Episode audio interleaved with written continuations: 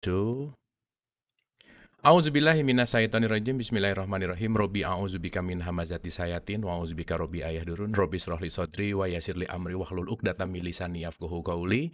Assalamualaikum warahmatullahi wabarakatuh. Alhamdulillahirabbil alamin, rahayu, namaste dan senantiasa kita semua malam hari ini dalam keadaan sehat, dalam keadaan bahagia karena malam hari ini topik kita adalah topik yang membahagiakan tentunya. Nah, sama malam hari ini episode ke-108 Dialog Positif boleh tepuk tangan dulu untuk kita semua. Terima kasih Ibu Musdah Mulia yang senantiasa selalu memberikan waktunya untuk kita. Alhamdulillah bersyukur banget Ibu mau hadir lagi ke sini dan kita sangat menanti-nanti kehadiran dari Ibu Musdah Mulia. So, malam hari ini kita akan berbicara tentang perkawinan sebagai institusi spiritual. Wah, ini kayak uh, apa ya? Luar biasa nih judulnya asik banget gitu. Oleh karena itu, tanpa berpanjang lebar lagi, Ibu boleh di-unmute kah? Ah, gitu.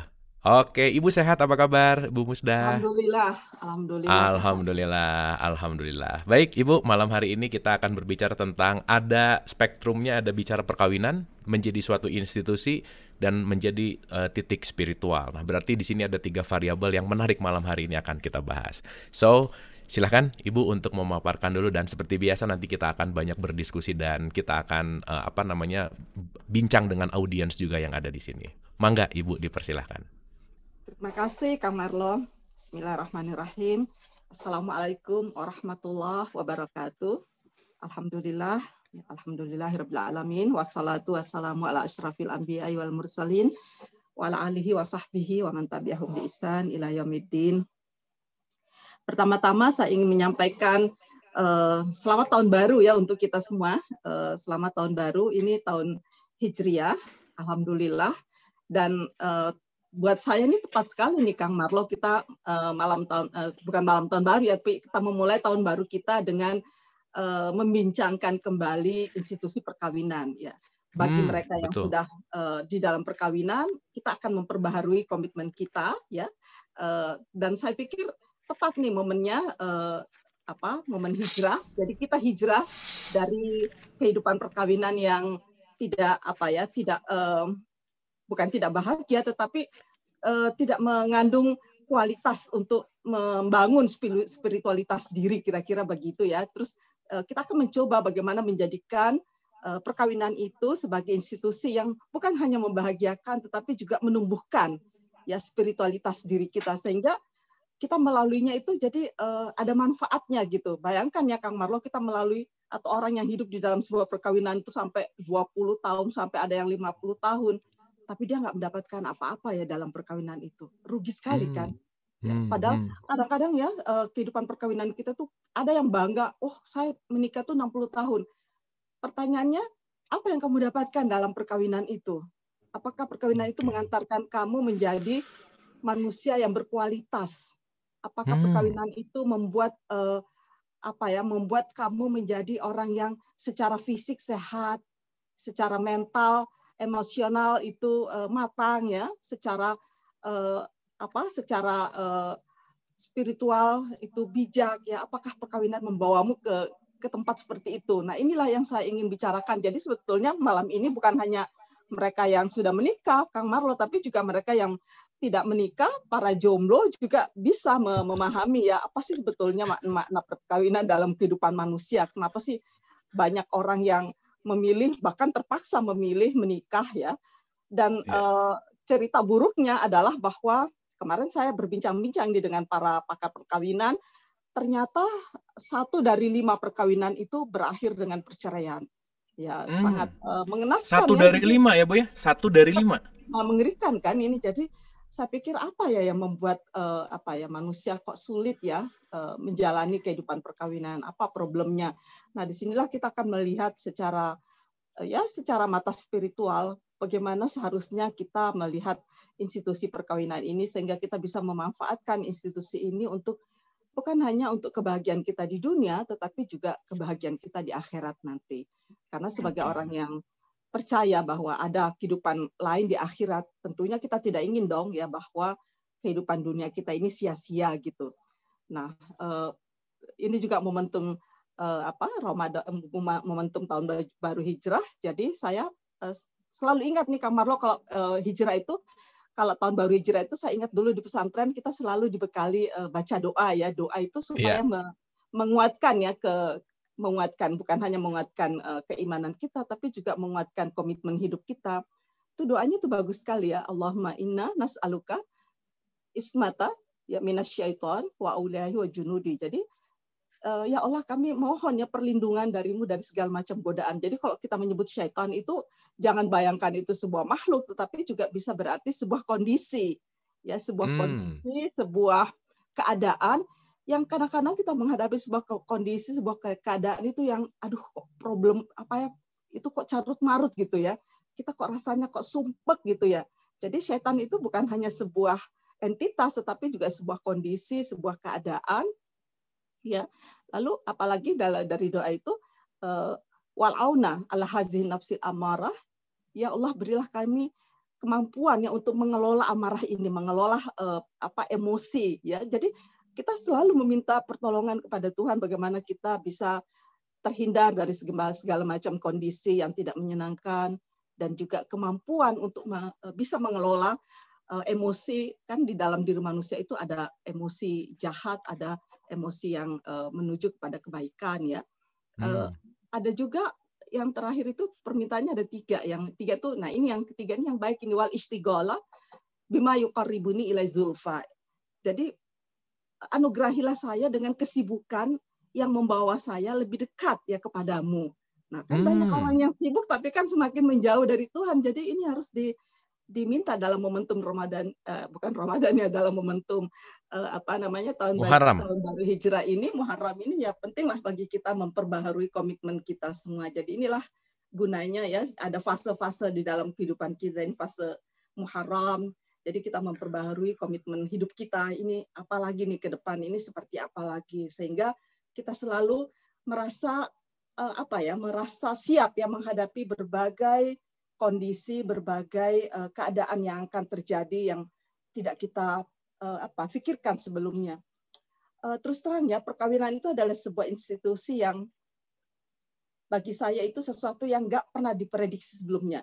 Itu benar-benar hmm. seperti gambling ya kita nggak bisa menduga dengan siapa kita menikah betul-betul karena boleh jadi kita pacaran dengan seseorang kok tidak berakhir dengan perkawinan ya. Tiba-tiba kita ketemu orang baru ketemu beberapa bulan bahkan beberapa minggu bahkan juga ada yang beberapa hari tiba-tiba kok itu jadi jadian gitu ya kira-kira seperti itu. Jadi penuh dengan misteri karena itu saya pikir kita penting ya mempelajari ini secara uh, apa secara saintifik tetapi juga dengan mengedepankan prinsip-prinsip uh, keagamaan.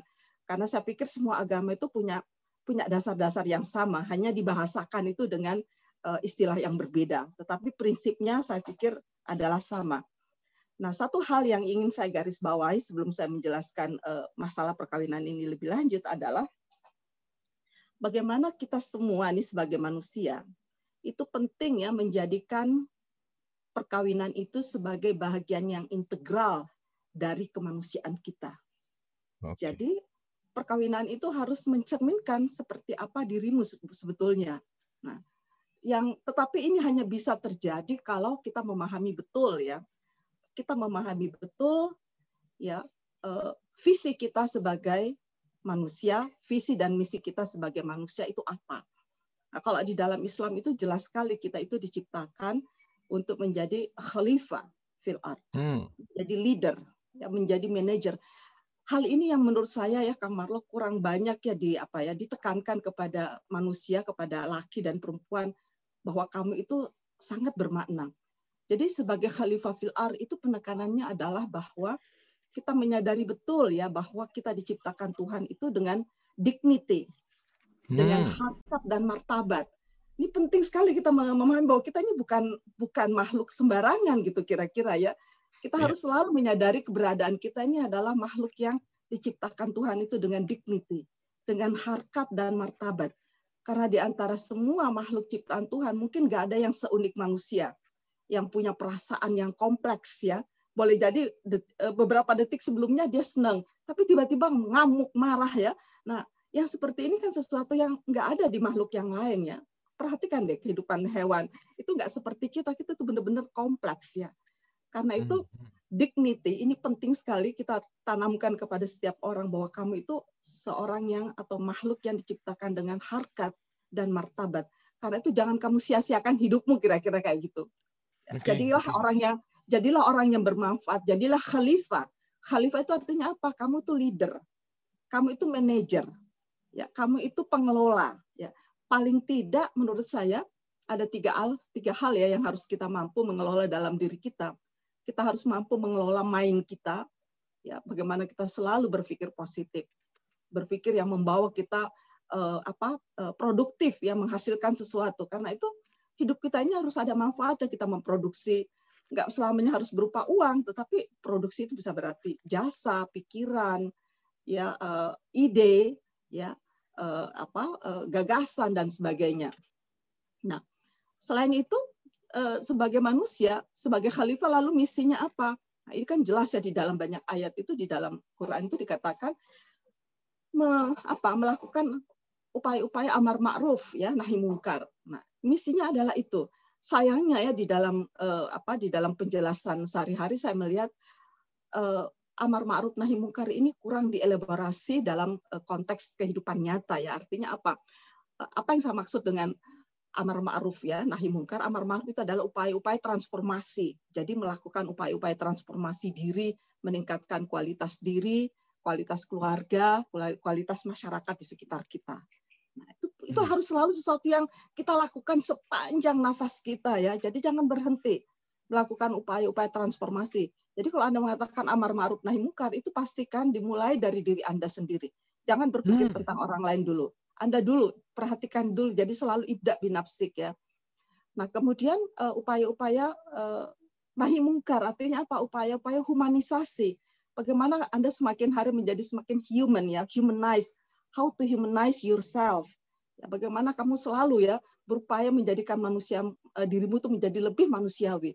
Dan itu sebuah upaya yang nggak gampang ya. Jadi dalam proses, proses humanisasi itu kita melakukan proses-proses edukasi, ya proses-proses uh, advokasi kita mengadvokasi diri mengadvokasi orang lain uh, dan sejumlah proses-proses lainnya nah di dalam konteks inilah saya melihat kenapa perkawinan itu menjadi sesuatu yang yang penting kalau di dalam uh, Islam itu saya kenapa saya menjadi uh, sangat intens pada ini? Karena tahun 2004 itu saya punya satu proyek yang mencoba merumuskan kembali uh, apa itu eh, undang-undang perkawinan itu harus seperti apa gitu. Karena kalau problem struktural ini tidak diperbaiki saya kira juga problem-problem yang lain seperti problem kultural kultural terkait perkawinan ini uh, ada banyak masalah.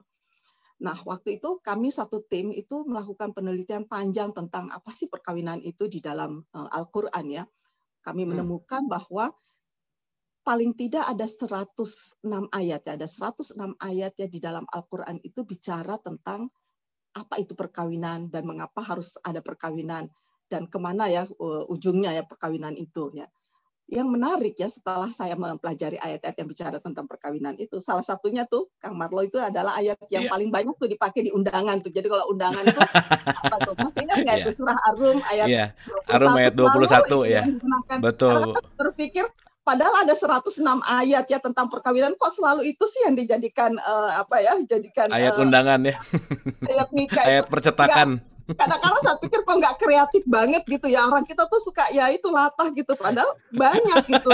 Nah, yang menarik penelitian saya itu ya semua uh. sebagian besar ayat-ayat perkawinan itu ujungnya Kang Marlo itu seperti yang surat di undangan itu kan wa min ya. ayatihi yeah. an khalaqalakum min anfusikum azwaja litaskunu ilaiha wa ja'ala bainakum mawadda wa rahma ya inna fi zalik la ayatin liqaumi yatafakkarun. Nah, kebanyakan ayat-ayat yang tentang perkawinan itu berakhir dengan perintah untuk berpikir. Hmm. Jangan salah loh. Karena itu pikirkan matang-matang. Jadi rupanya kita selalu harus memasang ya nalar kritis ya di dalam. Jadi kita nggak boleh apa ya menurut saya oh, luar biasa ya kalau saya itu menelaah ayat-ayat Quran itu kok kita kok disuruh mikir. Jadi dalam perkawinan itu bukan hanya pasrah semata gitu tapi eh kamu mikir kamu kamu tuh manusia yang diciptakan dengan dignity, dengan harkat. Hmm. Kamu kok nggak mikir gitu loh kira-kira. Jadi semua keputusan yeah, yeah, yang yeah. kamu ambil ya di dalam perkawinan itu harus harus difikirkan gitu nggak asal emosi atau asal ya kan seperti tadi uh, nyanyian tadi kan penuh dengan nyanyian cinta eh bukan hanya sekedar cinta loh ada ada ada hal-hal lain yang perlu dicermati di dalam mengambil keputusannya. Bukan bukan sekedar cinta apalagi cinta buta ya apalagi cinta monyet ya no ya. itu sama sekali malah menyesatkannya bukan itu ya bukan itu. Jadi karena itu kalangan muda nih bukan semata-mata cinta loh. Jadi saya pikir menarik loh kalau kita membaca ayat-ayat tentang perkawinan itu ujung-ujungnya tuh harus mengajak kita untuk berpikir ya ujung-ujungnya itu mengajak kita untuk berenung eh kamu kok mau ya diperlakukan kira-kira seperti itu? Mikir mikir kira-kira bahasa bahasa gaulnya itu kayak gitu. Nah iya yeah, iya yeah, oke. Okay, oke. Okay. nah sekarang dari 106 ayat itu apa sih sebetulnya ya prinsip dasar yang di uh, yang diharapkan uh, apa perkawinan itu dalam Islam?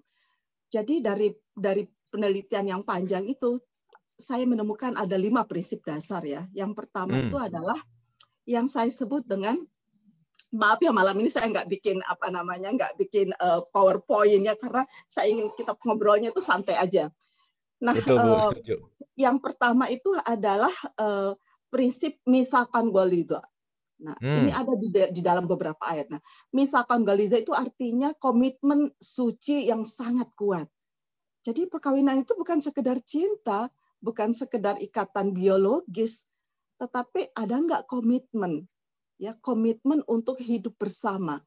Bahkan dalam beberapa ayat kalau anda membaca uh, apa namanya ensiklopedi saya itu justru perkawinan itu merupakan reunifikasi ya hmm. dua makhluk. Karena sebetulnya kita ini adalah makhluk yang diciptakan dari satu spesies yang sama dari nafsin wahida ya laki dan perempuan ya. pokoknya semua manusia ini diciptakan dari satu asal ya nafsin wahida karena itu perkawinan itu sebenarnya kalau di dalam surah apa itu uh, uh, Al-A'raf itu dikatakan itu adalah reunifikasi dua uh, dua apa namanya dua makhluk yang berasal dari satu ciptaan. Jadi hmm. tinggi sekali. Misalkan Galiza itu kalau di dalam Al-Qur'an itu menggambarkan uh, relasi yang kuat antara Allah dengan para walinya. Jadi demikian kuatnya.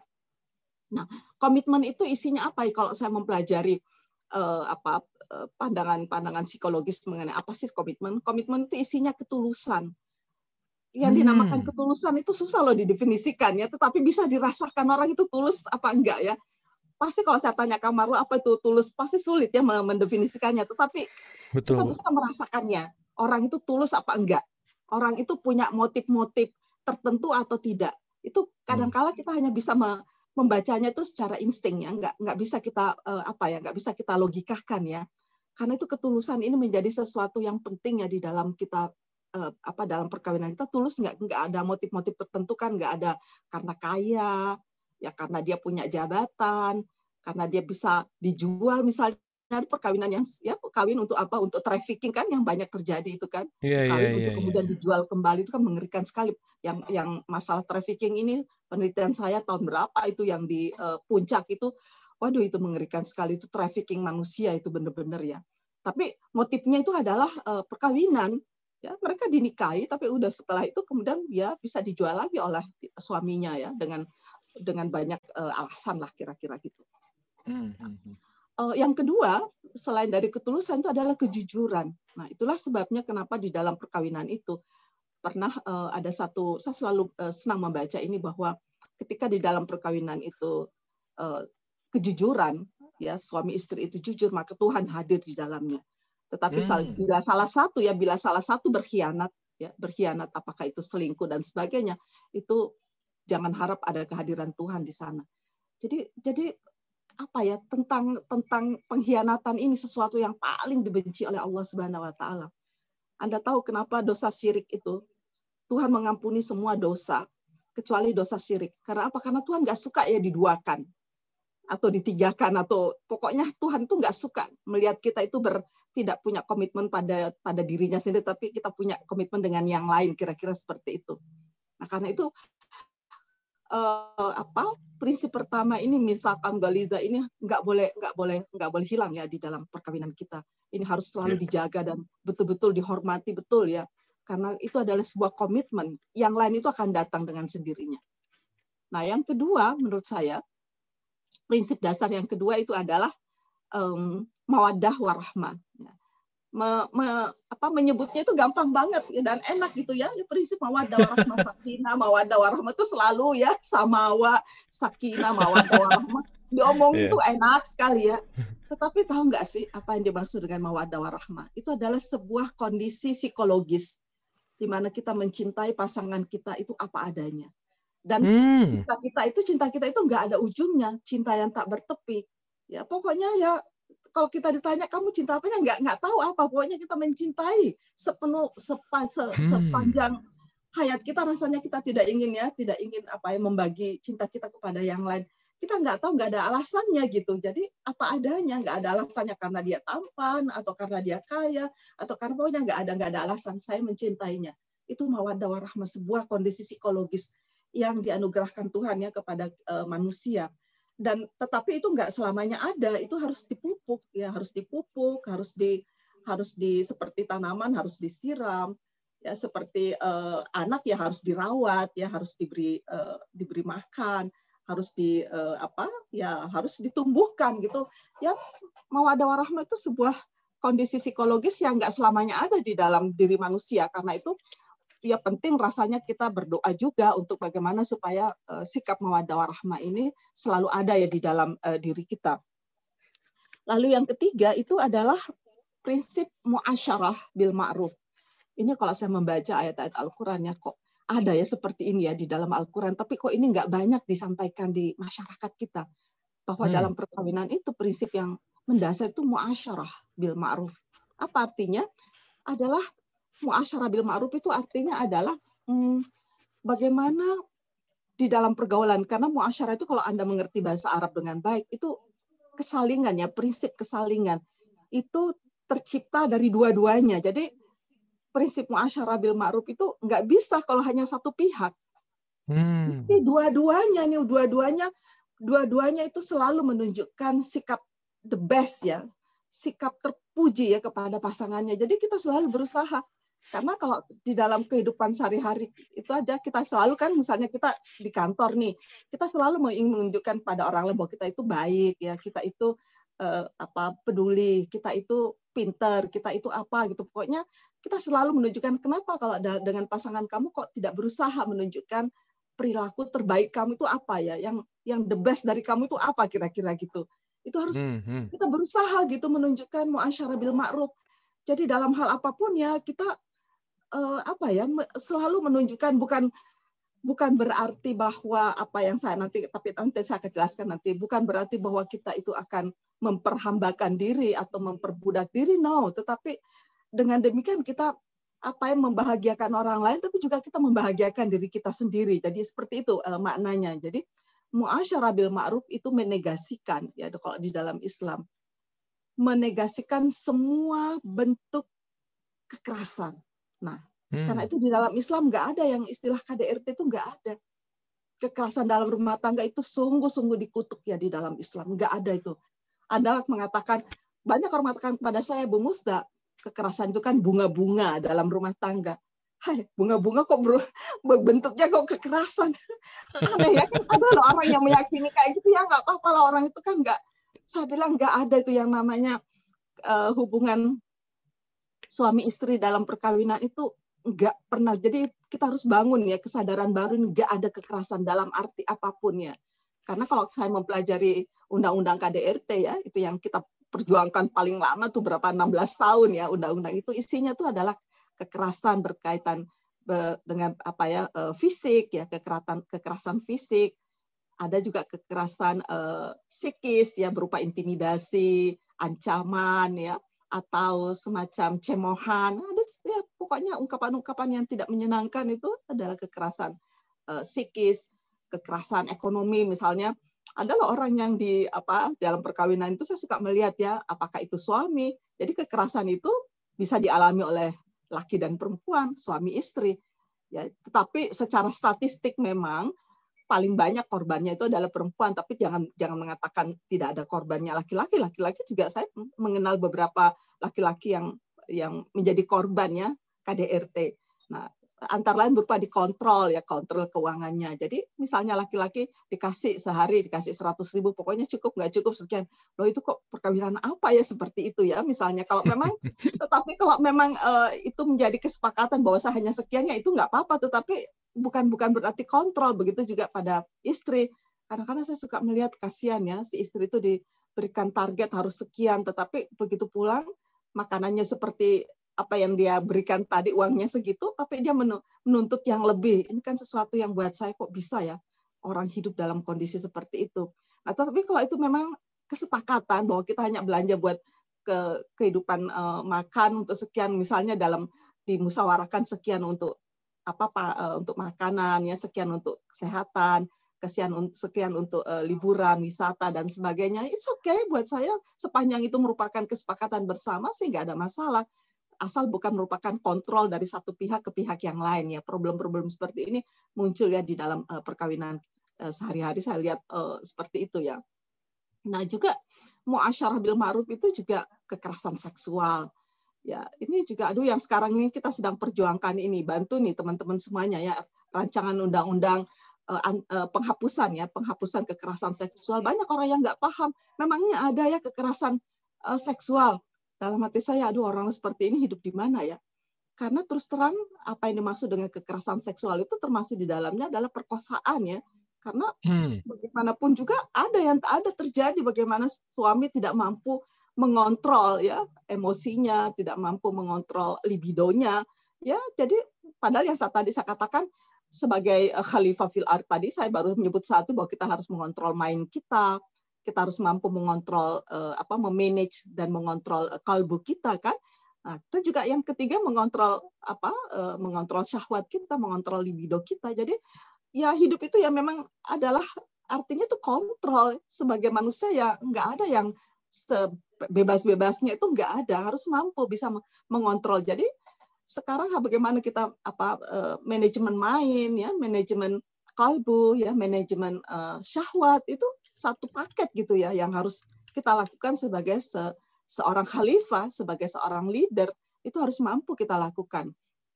Nah, muasyarah bil ma'ruf ini paling banyak yang saya saya dapatkan dalam uh, perjalanan hidup saya. Dulu pernah ya dua tahun berapa itu tahun 10 tahun yang lalu di ICRP. Saya waktu itu hmm. uh, kami waktu itu membuka uh, apa konseling perkawinan di sana ya.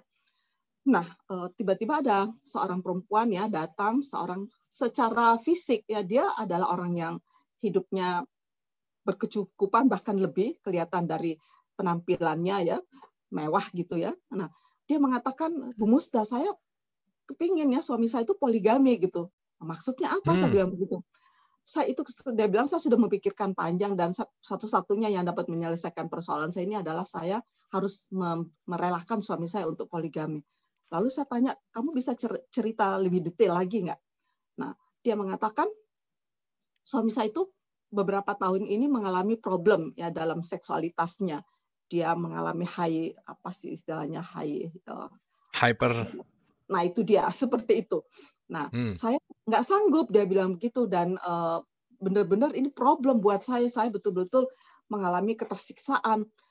Lalu saya katakan kalau kamu membiarkan suami kamu ya menikah lagi atau melakukan poligami, berarti kami membagi bencana dong ya, bukan membagi rahmat. Karena dia pasti hanya karena orang lain juga akan mengalami hal yang sama dengan kamu. Apa yang kamu alami juga akan dialami orang lain. Ya paling tidak kan saya bisa bebas ya dua tiga hari ya, dari dia gitu. Dia mengatakan gitu. Saya bilang oh bukan itu solusinya. Pertama menurut saya kamu harus membawa suamimu itu ke seksologi. Ya saya hmm. bilang ini ada alamatnya dokter Naik Tobi waktu itu. Kamu bisa datang ke sini atau ke, do, ke dokter uh, apa beberapa seksolog yang saya berikan alamatnya kamu datanglah ke sana konsultasi.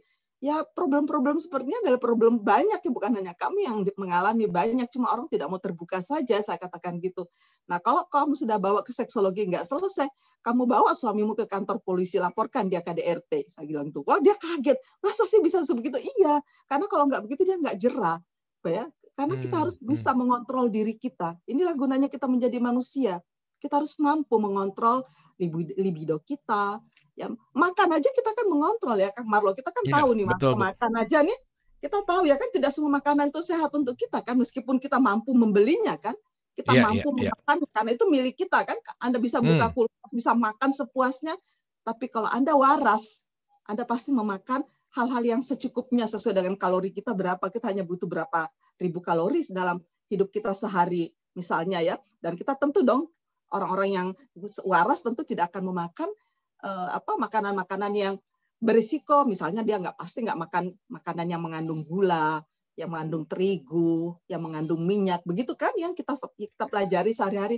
Nah sama ya. juga dengan dengan hal-hal yang berkaitan dengan seksualitas nggak ada itu orang bisa sesuka-suka dia kapan dia mau gitu kan nggak bisa.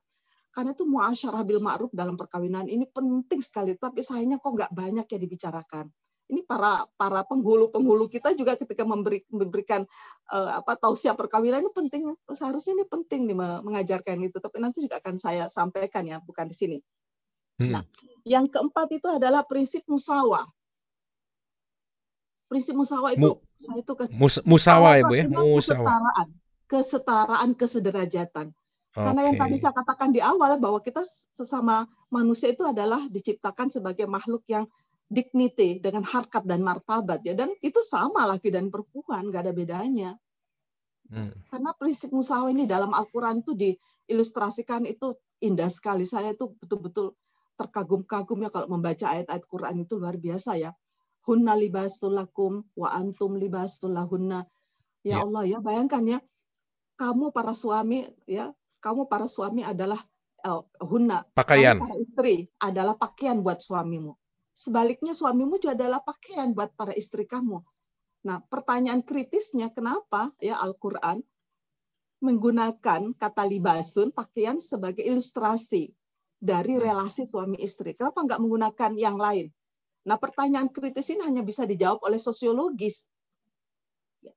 Jawaban sosiologisnya adalah pakaian itu, libasun itu adalah berguna. Jadi pakaian itu kita gunakan untuk memproteksi kan diri kita memproteksi hmm. dari panas, dari dingin. Nah, karena itu perkawinan itu sebenarnya saling memproteksi.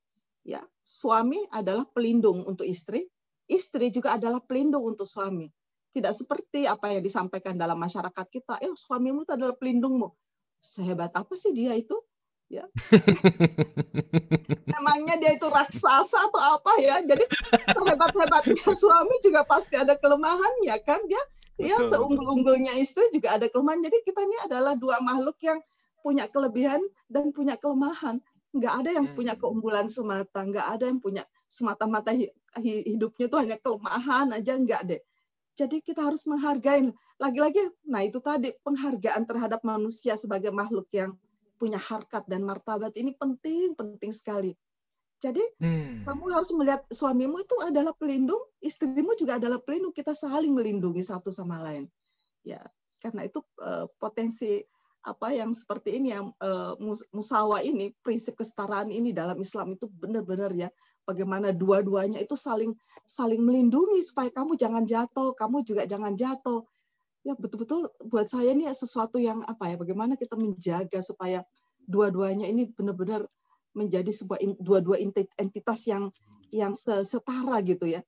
Nah, ini kan yang paling banyak persoalan dalam masyarakat kita ketika dua-duanya ini memiliki uh, apa uh, memiliki uh, kondisi yang yang satu mau menjadi uh, superordinat super apa, apa superordinat yang satu dijadikan subordinat wah ini iya. nggak yeah. bisa gitu kamu mau menikah sama karena kan saya kalau berpikir gini ya ada dulu waktu saya masih uh, masih di Kementerian Agama itu teman-teman saya kan masih belum pada nikah ya nah mereka semua rencananya itu menikah dengan orang yang tidak terlalu berpendidikan dia nggak suka ya orang-orang seperti saya. Wah kalau kawin sama orang musda tuh orangnya kritis pasti uh, kita hidupnya tuh berdebat dulu kata dia gitu kan. Oke dia nyari okay. orang yang tamat tamatan SMA gitu-gitu kan. Nah uh, akhirnya tiga bulan setelah menikah terus dia mengeluh nih di kantor. Saya bilang kenapa? Ya kasihan. Aduh gimana ya saya ngomong apa? Istri satu kok nggak nyambung dia bilang gitu lah ya iya iyalah saya bilang begitu kan kamu kan sengaja mencari orang yang nggak ngerti kamu saya bilang begitu ya bagaimana kamu bisa nyambung saya bilang begitu jadi dia hmm. mengeluh atas kebodohan dan ignorance istrinya gitu ya bukan berarti hmm. saya mengatakan anak SMA itu bodoh bukan tetapi itulah pentingnya karena di dalam Islam itu ada istilah kafaah ya sekufu. Hmm. sekufu itu artinya apa Kang Marlo? Ya carilah orang-orang yang kira-kira ngerti gitu hidup kamu itu kayak apa gitu. Masalah-masalah kamu itu seperti apa. Sehingga kamu nanti dalam uh, ada yang prinsip yang kelima itu komunikasi itu jadi muncul gitu ya. Gitu ya. Pentingnya hmm, tuh kayak hmm. gitu. Nah, prinsip musyawarah ini uh, penting juga loh kita itu ya uh, di dalam apa di dalam kehidupan bersama kadang-kadang saya berpikir gini ya. Kenapa ya para tentu nggak semua lelaki kan karena suami saya pasti nggak seperti itu kenapa ya kok laki-laki itu kok senang ya uh, apa ya melihat dia itu merasa lebih baik apa lebih lebih tinggi posisinya daripada istrinya ya jadi kadang-kadang saya berpikir apa kamu nggak merasa nggak merasa nggak nyaman gitu ya? Karena kalau buat saya ketika kita dalam hidup bersama nih ada yang terlalu rendah gitu posisinya kan kita kan nggak bisa me, apa ya kita kan menganggap dia lebih di bawah kira-kira. Nah, jomplang gitu ya posisinya hmm, gitu. Nah, dari prinsip yang kelima ini yang penting mu, apa musyawarah. Nah, musyawarah hmm. itu artinya apa? Prinsip yang kelima ini adanya komunikasi yang intens, hangat dan akrab. Nah, tahu nggak kamar lo ada ada penelitian uh, kira-kira dua tahun lalu ya penelitian yang dilakukan di Harvard University. Apa yeah. yang membuat seseorang itu bahagia? Iya Bu, betul. Itu penelitian terlama selama Harvard tuh kalau saya baca tuh. Tahu nggak? Ujung-ujungnya yeah. apa? Adalah komunikasi yang yes. intens, hangat dan akrab. Nah, kalau kita nggak punya apa ya eh, komunikasi yang seperti itu, aduh hidup ini rasanya hampa-hampa ya. Karena itu bagaimana juga kita akan mendapatkan pernah ya ada satu eh, penelitian itu eh, merekam ya perbincangan dalam satu keluarga. Jadi dia pasang satu apa namanya satu berekam gitu ya. Kira-kira perbincangan dalam rumah ini apa ya? Nah, isinya itu adalah kalimat-kalimat yang imperatif. Ngerti nggak maksud saya? Jadi mm -hmm. selalu jadi dari suami itu hanya kalimat-kalimat yang menyuruh, yang menyuruh gitu. Nah, dari uh, istri itu uh, apa sikap uh, si, apa uh, sifatnya pemberitaan itu adalah uh, permohonan lalu uh, uh, permintaan. Wah, ini sangat-sangat tidak tidak nyambung. Jadi komunikasi yang hangat intens dan akrab itu tidak terjadi. Ya kita bisa berdebat, kita bisa panas, tapi juga kita bisa mencari solusi dari perdebatan itu kan tidak bukannya kita nggak boleh berdebat, berdebatlah asal jangan berdebat dengan melakukan dengan mengikuti dengan uh, apa sentuhan fisik. Jadi saya selalu mengatakan kepada uh, mereka yang menikah, ingat baik-baik ya, kamu walaupun kamu marah, tapi jangan pernah tanganmu melayang kepada kepada manusia saya katakan begitu. Hmm. Kamu hmm. boleh hmm. tinju dinding, boleh kamu sampai berdarah-darah kamu tinju dinding, tapi jangan pernah kamu menyentuh manusia ya. Itu satu hal yang tabu-tabu sekali. Nah, bagaimana? Karena manusia itu berharga, nggak boleh diperlakukan semena-mena. Jadi kalau kamu marah, kamu marahlah, tapi jangan pernah kamu menyentuh orang lain. Artinya jangan memukul, ya jangan mencederai sesama dengan alasan apa pun. Karena itu saya juga mengatakan kepada mereka yang mau menikah, jangan pernah kamu membiarkan ya tangan suamimu itu apa menyentuh ya tubuh kamu. Jangan pernah. Tidak ada mengatakan oh itu alasan karena oh itu karena hilaf atau karena apa. No. Itu mesti kita tanamkan baik-baik dari awal ya sehingga anak-anak itu ngerti. Oh ini yang nggak boleh. Sama sekali ini prinsip nggak boleh dilakukan. Untuk alasan apa pun nggak boleh, nggak boleh ada KDRT.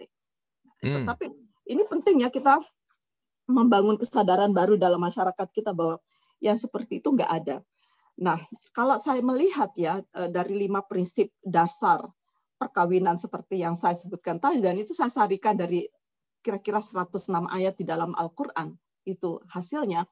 Lalu pertanyaannya, kenapa di dalam kehidupan masyarakat kita tidak seperti itu ya, tidak tidak se, tidak mudah ya menerapkan lima prinsip dasar perkawinan itu karena kalau saya melihat uh, data dari pengadilan agama uh, di antara penyebab atau faktor-faktor yang menyebabkan terjadinya perceraian itu ini ada enam ya ada masalah ekonomi ya masalah ekonomi ini nah ini dia nih penting sekali kita bangun kesadaran baru di awal bahwa rumah tangga itu adalah dinafkahi bersama. Nah, kenapa muncul seperti ini? Karena ya biasanya setelah menikah uh, suami akan mengatakan saya adalah kepala keluarga, saya adalah pemberi nafkah, tapi kemudian dalam prakteknya dia tidak bisa memenuhi uh, apa uh, memenuhi uh, janjinya itu. Ya, hmm. Ya, kenapa juga sih ada istilah kepala keluarga? Saya kadang-kadang berpikir kepala keluarga itu maksudnya apa ya? iya iya betul ya. Padahal kan setara ya Bu ya.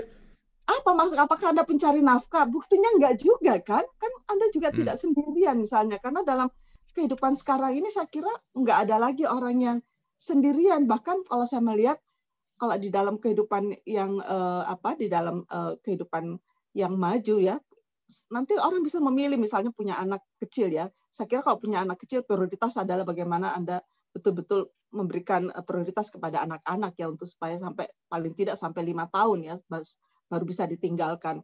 Nah harus ada prioritas siapa yang akan bekerja gitu. Hmm. karena kalau kalau uh, tidak harus karena kalau kalau anak itu sudah lahir kasih sayang itu bisa diberikan oleh dua-duanya. Ya, kalau misalnya akan menyusui, sekarang sudah banyak cara ya bahwa ibu bisa mengeluarkan air susunya, lalu suami yang yang menyusukan kepada bayinya itu kan nggak masalah kan, itu bisa saja di, terjadi bagaimana uh, anak-anak itu bisa dibesarkan dengan kasih sayang uh, ayah ya, ibu bekerja itu bisa. Ya cuma karena persoalan di kita di Indonesia ini adalah karena uh, ya persoalan kehamilan, persoalan lahir dan sebagainya, cuti melahirkan dan sebagainya itu belum maksimal ya. Saya kira beberapa negara yang meskipun itu bukan negara Islami, saya sungguh-sungguh mengapresiasi negara-negara seperti di Skandinavia yang sudah menerapkan misalnya empat bulan untuk uh, cuti melahirkannya itu betul-betul kan menghargai hak-hak reproduksi seseorang. Jadi empat yeah. bulan itu mereka di, dikasih gaji, dibayarkan uh, tunjangannya, dan juga tetap promosi jabatan ya. Jadi tidak berarti dia cuti itu nggak ada promosi jabatan ya. Nah, bahkan bukan hanya si istrinya yang diberi cuti, suaminya pun diberi cuti agar supaya juga membantu membantu istrinya untuk merawat anaknya, ya, merawat istrinya. Karena buat saya tugas-tugas reproduksi ini adalah sebuah tugas yang sangat mulia dan Tuhan pun juga sangat apresiasi terhadap kerja-kerja reproduksi ini atau tugas-tugas reproduksi ini. Dan karena itu saya melihat betapa betapa islaminya ya mereka ya sungguh-sungguh menghargai. Bahkan sekarang saya lihat eh, di Denmark itu para aktivis perempuan itu sedang memperjuangkan cuti setahun malah untuk mereka hmm. yang sedang menjalani tugas-tugas reproduksi. Nah, yang seperti ini nih yang di kita nggak ada ya, karena ketika perempuan itu sedang hamil, melahirkan dan juga nanti ketika punya baby itu nggak ada tempat-tempat menitipkan anak yang betul-betul bisa di uh, apa namanya bisa diakses dengan mudah yang disiapkan oleh pemerintah sehingga ibu itu bisa bekerja secara maksimal ya tanpa harus me, apa me, me, apa mencemaskan ya kondisi bayinya karena dia berada di tempat yang uh, relatif lebih aman lah ketimbang kalau itu ada pada dirinya sendiri kira-kira gitu. Jadi eh, kondisi-kondisi seperti ini yang menurut saya itu sangat-sangat islami. Jadi ada persoalan ekonomi, nah ada persoalan tanggung jawab ya karena begitu menikah saya kadang-kadang heran ya tiba-tiba dia mengatakan saya ini imam ya. Loh siapa yang angkat kamu jadi imam? Enggak ada di dalam enggak ada di dalam Al-Qur'an bahwa begitu menikah kamu jadi imam. Tiba-tiba jadi gak imam ada. gitu ya, Bu ya. Enggak ada, enggak ada itu dalam enggak ada iya. ayatnya, enggak ada enggak ada hadisnya juga. Tetapi yeah, adanya yeah. tuh di tafsir-tafsir. Saya membaca tafsir, ya ampun ini tafsir kok isinya kayak begini ya. Dan orang hmm. percaya lagi pada tafsir-tafsir seperti itu. Ya karena itu tafsir yang sudah dipercayai sejak ribuan tahun yang lalu ya. Bahkan kalau di Islam itu ya kira-kira Nabi wafat itu sekitar tahun-tahun 600-an ya. Hmm. 634 kalau saya nggak salah. Uh, itu terus kemudian 200 tahun setelah itu muncullah kitab-kitab tafsir 200 tahun setelah Nabi wafat. Nah, isinya ya seperti itu. Jadi me, apa me, me, me, apa, mendefinisikan ya seperti itu. Jadi saya pikir ini nggak ada di dalam Al-Quran. Jadi kalau saya membaca seperti tadi ya, lima prinsip dasar perkawinan itu kan nggak muncul bahwa suami itu imam. Sejak kapan dia jadi imam? Siapa yang memberikan mandat menjadi hmm. imam? Nggak ada. Hmm. Hmm. Imam imam apaan gitu? Kadang-kadang saya berpikir kalau dia imam, memangnya dia punya kualitas apa gitu. Nah, kadang-kadang kan orang kan mengatakan, eh, oh ya itu kan ada di dalam surah An-Nisa, Ar-Rijalu Kawamuna ala Nisa. Nah, persoalannya hmm. apa yang dimaksud dengan arijal di situ? Apa yang dimaksud dengan arijal? Apa yang dimaksud dengan kawamun? Ya, apa yang dimaksud dengan anisa ya? Karena yang dimaksud hmm. dengan arijal itu bukan semuanya laki-laki loh, Kang Marlo. Iya, betul. Arijal itu adalah eh, setiap orang yang punya kualitas-kualitas ya eh, apa kualitas eh, laki-laki atau kualitas tanggung jawab. Jadi orang-orang yang memiliki tanggung jawab atau orang yang mampu memikul tanggung jawab itu bolehlah disebut dengan arijal. Karena di dalam Al-Quran juga banyak ya kata-kata rijal itu tidak dimaksudkan ke laki-laki secara biologis. Dia adalah Betul. tokoh. Ya. Tokoh itu disebut ar-rijal. Nah, kawamuna hmm. tidak selamanya berarti itu adalah pemimpin. ya.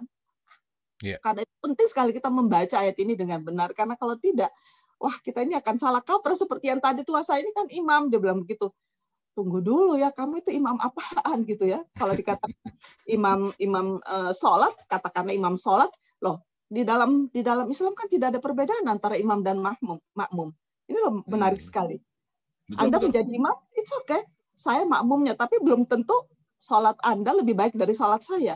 Itu semuanya hmm. tergantung kepada kehusuan kita kan di dalam soal belum tentu loh bahwa si imam itu uh, sholatnya lebih lebih tinggi derajatnya dari makmumnya. Tergantung dari kehusuan, ya tergantung dari ketulusan, ya tergantung dari fokusnya dia selama sholat dia mikirin apa aja dan juga uh, refleksi dari sholat itu di dalam kehidupan nyata sehari-hari seperti apa ada yang orang yang mampu merefleksikannya dengan baik yang mengimplementasikan nilai-nilai sholat itu dalam kehidupan sosial ada yang cuma sekedar sholat saja tapi implementasinya hmm. nol sama sekali nah ini kan persoalan-persoalan seperti itu kan harusnya membuat kita menjadi lebih lebih rendah diri ya tidak harus tidak harus apa ya, tidak harus mutlak-mutlakan lah kira-kira. Nah, hmm. Soal tanggung jawab ini merupakan uh, satu apa ya, satu problem yang menyebabkan uh, perceraian. Kalau saya membaca di dalam apakah uh, apa di dalam data-data pengadilan agama, ini karena pembagian tugasnya jadi nggak jelas. Kadang-kadang hmm. saya berpikir ya, Kang Marlo ya, saya benar-benar ini penelitian saya beberapa tahun yang lalu. Kita meneliti beberapa rumah tangga ada ya beberapa rumah tangga itu terjadi seorang ibu nih dia sama-sama guru sama-sama guru profesinya jadi begitu pulang ngajar nih jam mereka pulang mengajar tuh jam 2 ya eh, mereka terus terang aja dia belum makan yang makan yang benar tapi makan di kantor cuma makan snack gitu kan nah sampai di rumah si istri ini langsung ganti baju daster ya puter apa sambil masak, sambil nyuci, sambil nyapu. Ada tiga pekerjaan sekaligus dia lakukan. Si suami pulang itu langsung duduk di depan TV, lalu nonton TV sambil eh, apa namanya kipas-kipas gitu. Pertanyaan saya nih Kang Marlo ya, ini hmm. kan sama-sama guru nih. Kok si, si, si apa si suami ini kok nggak punya nggak punya kesadaran kemanusiaan Sense. untuk bantuin istrinya ya? Padahal yeah, yeah, yeah. kita nih sama tetangga aja kalau lihat tetangga sibuk kan kita mesti tanya, ada yang bisa saya bantu nggak? Ini kan kesadaran kemanusiaan. Lo ini kok sama istrinya kok nggak punya perasaan sedikit pun. Udah gitu anaknya nangis, dia teriak lagi tuh anak kamu nangis. Kadang-kadang saya pikir ya Allah ini kok ada ya orang seperti ini ya. Ya, kok hmm. kalau orang punya hmm, mungkin hmm. mungkin seperti ini nggak nggak nggak terjadi di kalangan uh, masyarakat atas yang punya pembantu sekian gitu ya. Jadi nggak ada masalah kira-kira. Tapi ini kan kebanyakan kita kan hidupnya seperti ini pulang bersama dari bekerja. Tapi kok yang laki-laki itu kok nggak nggak berasa ya bahwa ini tugas bersama kita loh. Nah, mencuci, memasak, membersihkan rumah itu kan nggak memerlukan payudara kan Kang Marlo ya? Hmm, hmm, hmm, nggak memerlukan rahim ya, nggak memerlukan apa ya yang dikatakan kodrat perempuan gitu loh. Tetapi yang diperlukan adalah kesadaran kemanusiaan. Bagaimana kita apa ya membangun kesadaran dalam diri kita bahwa semua pekerjaan dalam rumah tangga ini bisa kita selesaikan dan harus kita selesaikan bersama karena itu kan tugas bersama kita, rumah-rumah kita gitu. Jadi jangan ada satu orang yang mengalami apa ya namanya bukan hanya uh, double burden tapi juga multiple burden ya yeah, yeah. multi beban ya kasihan banget gitu saya bilang aduh kok ada ya tetapi pertanyaan saya yang paling mendasar sebagai manusia dia kan beragama. Sholatnya itu ke mana? Selama ini kan hmm. dia sholat. Sholatnya itu nggak membawa efek apa pun pada dirinya bahwa dengan sholat ini kan membangun kemanusiaan gitu membangun rasa empati kepada orang lain. Nah ini bukan orang lain loh ini istrimu. Ini bukan bukan tetanggamu kira-kira kayak gitu. Nah yang ketiganya adalah masalah keharmonisan ya di dalam eh, apa ya saya lihat ini uh, apa faktor yang menyebabkan perceraian. Tadi saya katakan ada faktor ekonomi ada faktor uh, tidak adanya tanggung jawab karena pembagian di rumah tangga yang tidak uh, tidak selesai. Masalah keharmonisan ya masalah nah ini dia masalah pihak ketiga ya. Ya terus lalu ada masalah KDRT lalu masalah ya itu cemburu kata dimasukkan di situ. Saya kira banyak faktor ya ada ada ratusan faktor tapi ini yang mengemuka ya di di dalam apa namanya di dalam data-data uh, uh, pengadilan agama kita. Nah problem-problem sebenarnya problem yang di apa ya yang di, dirasakan setiap hari. Bayangkan kalau seseorang itu melalui perkawinan itu 20 tahun dan dia melaku, mengalami ini, saya ingin mengatakan pada mereka, Tuhan tidak menghendaki kamu menderita, ya hmm. suami atau hmm. istri sama saja. Tapi bagaimana kamu harus apa ya mengambil sikap ya dalam perkawinan kamu sehingga kamu tidak terjebak dalam kehidupan yang tidak bukan hanya tidak membahagiakan, tapi juga tidak menumbuhkan, tidak menumbuhkan hmm. kualitas diri kamu sebagai makhluk yang yang seharusnya punya harkat dan martabat ya. Bahkan juga tidak menumbuhkan kualitas spiritual kamu. Lalu untuk apa kamu pertahankan? Ya memang ada banyak hadis yang mengatakan uh, bahwa perceraian itu adalah uh, sesuatu yang apa uh, uh, abgadul halal indallah at-talak ya. Jadi uh, hal yang halal yang dibenci Allah itu adalah perceraian. Tapi saya pikir tunggu dulu perceraian seperti apa dulu. Kalau nggak hmm. ada nggak ada yang seperti Nah, ini yang perceraian seperti ini mungkin yang seperti yang terjadi di uh, banyak negara modern ya seperti di Swedia tiba-tiba seorang istri nggak ada nggak ada angin, nggak ada nggak ada hujan tiba-tiba dia mengatakan pada suaminya, "Dad, I want to divorce." What's the problem? Nothing, ya. Yeah? I just want to divorce. Nah, yang seperti ini mungkin ya kalau menurut saya. tapi kalau tapi kalau yang yang seperti ini orang aduh minta cerai menderita gitu ya Bu ya. Iya. Tersiksa gitu ya. Tapi kan sekarang banyak orang mengatakan pada saya Bu Musta tahu nggak banyak sekali gugatan cerai ini akibatnya ini gara-gara feminisme gitu dia bilang gitu. saya balikin nggak salah itu itu itu itu sebagai kalau mau dibaca dengan data-data yang jelas itu sebetulnya ya tingginya angka perceraian ini sebetulnya menunjukkan semakin tidak banyaknya suami yang becus lah gituin. Hmm. Karena kalau suami hmm. itu becus pasti nggak akan terjadi nggak ada lah perempuan itu yang mau cerai. Siapa sih? Ya karena pertama apa? Karena stigma yang paling menakutkan di masyarakat itu ada stigma menjadi janda. Berbeda kan hmm. dengan dengan stigma menjadi duda. Beda kalau kalian yeah, duda yeah. nggak ada masalah di kita perempuan ini begitu kita janda ya Allah ya. Janda mati pun juga kita masih di apa ya masih di uh, apa diberikan stigma sana sini menakutkan gitu. Dan saya pikir ini sangat tidak manusiawi. Karena itu mari kita membangun kesadaran baru ya dalam masyarakat kita. Jangan ada stigma terhadap sesama apa pun yeah, alasannya. harus hmm. jangan pernah deh. Hmm, nah hmm, hmm. saya kira kenapa nih problem-problem perkawinan ini kok nggak apa ya nggak selesai-selesai? Karena menurut saya ada dua hal Okay. Yang pertama itu adalah ada problem kultural yang nggak selesai.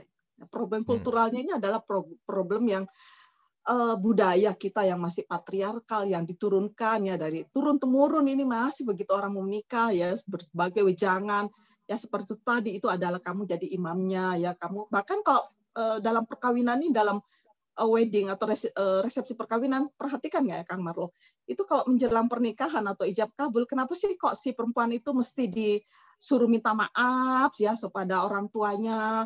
Mesti kan nggak usah di, di momen-momen itu seolah-olah dia tuh penuh dosa, lalu si laki-lakinya nggak nggak tuh nggak disuruh. Jadi seolah-olah perempuan ini benar-benar banyak dosanya ya. Dia harus hmm, betul-betul hmm. minta maaf. Jadi dan itu dan didramatisir seperti itu sampai nangis-nangis apa gitu. Padahal ini kan momen bahagia gitu. Kenapa nggak jauh-jauh sebelumnya tuh anak itu dipanggil Ya, kamu ingat ya dosa-dosa kamu, kesalahan kamu selama ini dan kamu jangan ulangi karena kamu akan hidup bersama orang lain. Ya mungkin sama ibu bapakmu kita sudah ngerti seperti apa kamu, tapi sekarang kamu akan hidup bersama orang lain. Tolong deh, ya sikap-sikap buruk kamu itu harus kamu buang sekarang juga. Kira-kira kayak gitu ya eh, nasihat perkawinannya. Tapi ini kok malah didramatisir kayak seperti itu dan seolah-olah si laki-laki nggak tuh maunya saya kalau memang perempuannya kamu minta untuk seperti itu laki-lakinya juga iya karena dua-duanya sama dong kira-kira ya bukan hanya hmm. perempuan hmm. yang punya kesalahan lalu sepertinya uh, dia yang harus minta maaf gitu ya aduh oke oke bu aduh. nah nah di dalam budaya kita bahkan uh, bukan hanya budaya ini masalah kultural yang juga budaya tetapi juga yang terdapat di dalam interpretasi keagamaan yang yang apa namanya yang uh, mainstream ya di masyarakat hmm, kita. Hmm. Jadi kalau Anda baca, seherannya buku-buku seperti ini kok laris banget ya di masyarakat kita ya. Jadi di situ dikatakan nih saya uh, mencatat ini saya bukunya baru tadi saya buka kembali bukunya supaya saya tidak tidak salah uh, apa tidak salah ngomong ya. Ini ada buku yang ditulis oleh Sayyid Abdurrahman ya namanya uh, apa uh, Bugiatul Mustarsyidin.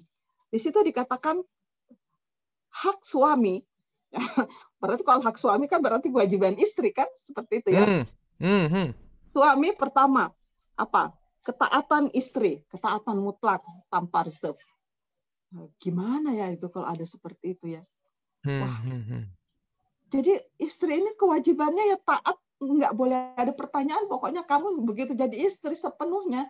Bahkan di dalam buku itu dikatakan pernikahan itu adalah berpindahnya amanah dari dari orang tua kepada suami. Hah, yang benar. Rata-rata kita menikah kan sudah dewasa ya. Masa kita mau diserahkan dan kita menjadi tunduk sepenuhnya kepada suami? dan sebetulnya kan dia itu adalah setara dengan kita kok tiba-tiba kita lebih bahkan saya melihat ya banyak orang yang akhirnya begitu setelah menikah dia lupa pada kewajiban pada orang tuanya dan berbakti pada suaminya suaminya juga blow on ya tidak mengatakan eh kamu kok jangan kamu jangan kamu pertuhankan saya itu kamu musrik loh mestinya kan bilang begitu iya, kan iya. Betul, kamu betul. tetap loh harus tetap ber, ber, apa berbakti pada orang tua kamu kan orang tua kamu tuh sampai mati pun nggak boleh loh, nggak boleh kamu lupakan. Jadi tetap, jadi suami ini ikut dosa loh menurut saya loh kalau istrimu tuh hmm. sampai nggak ngurusin orang tuanya gara-gara dia menikah sama kamu atau sebaliknya istrimu tuh sampai hmm. melupakan saya juga selalu kalau suami saya udah lama nih nggak nelpon orang tuanya, nggak ngirimin uang orang tuanya, tidak pokoknya tidak berbakti pada orang tuanya, saya paling marah karena saya nggak kepingin ya nggak kepingin dia berdosa hanya karena dia menikah dengan saya gitu loh. Jadi mestinya ini dibangun supaya kita saling mengingatkan. Bukannya itu kata tadi saya katakan libasun hmm, hunna libasulakum wa antum libasulahunna. Ya kita tuh adalah saling mengingatkan.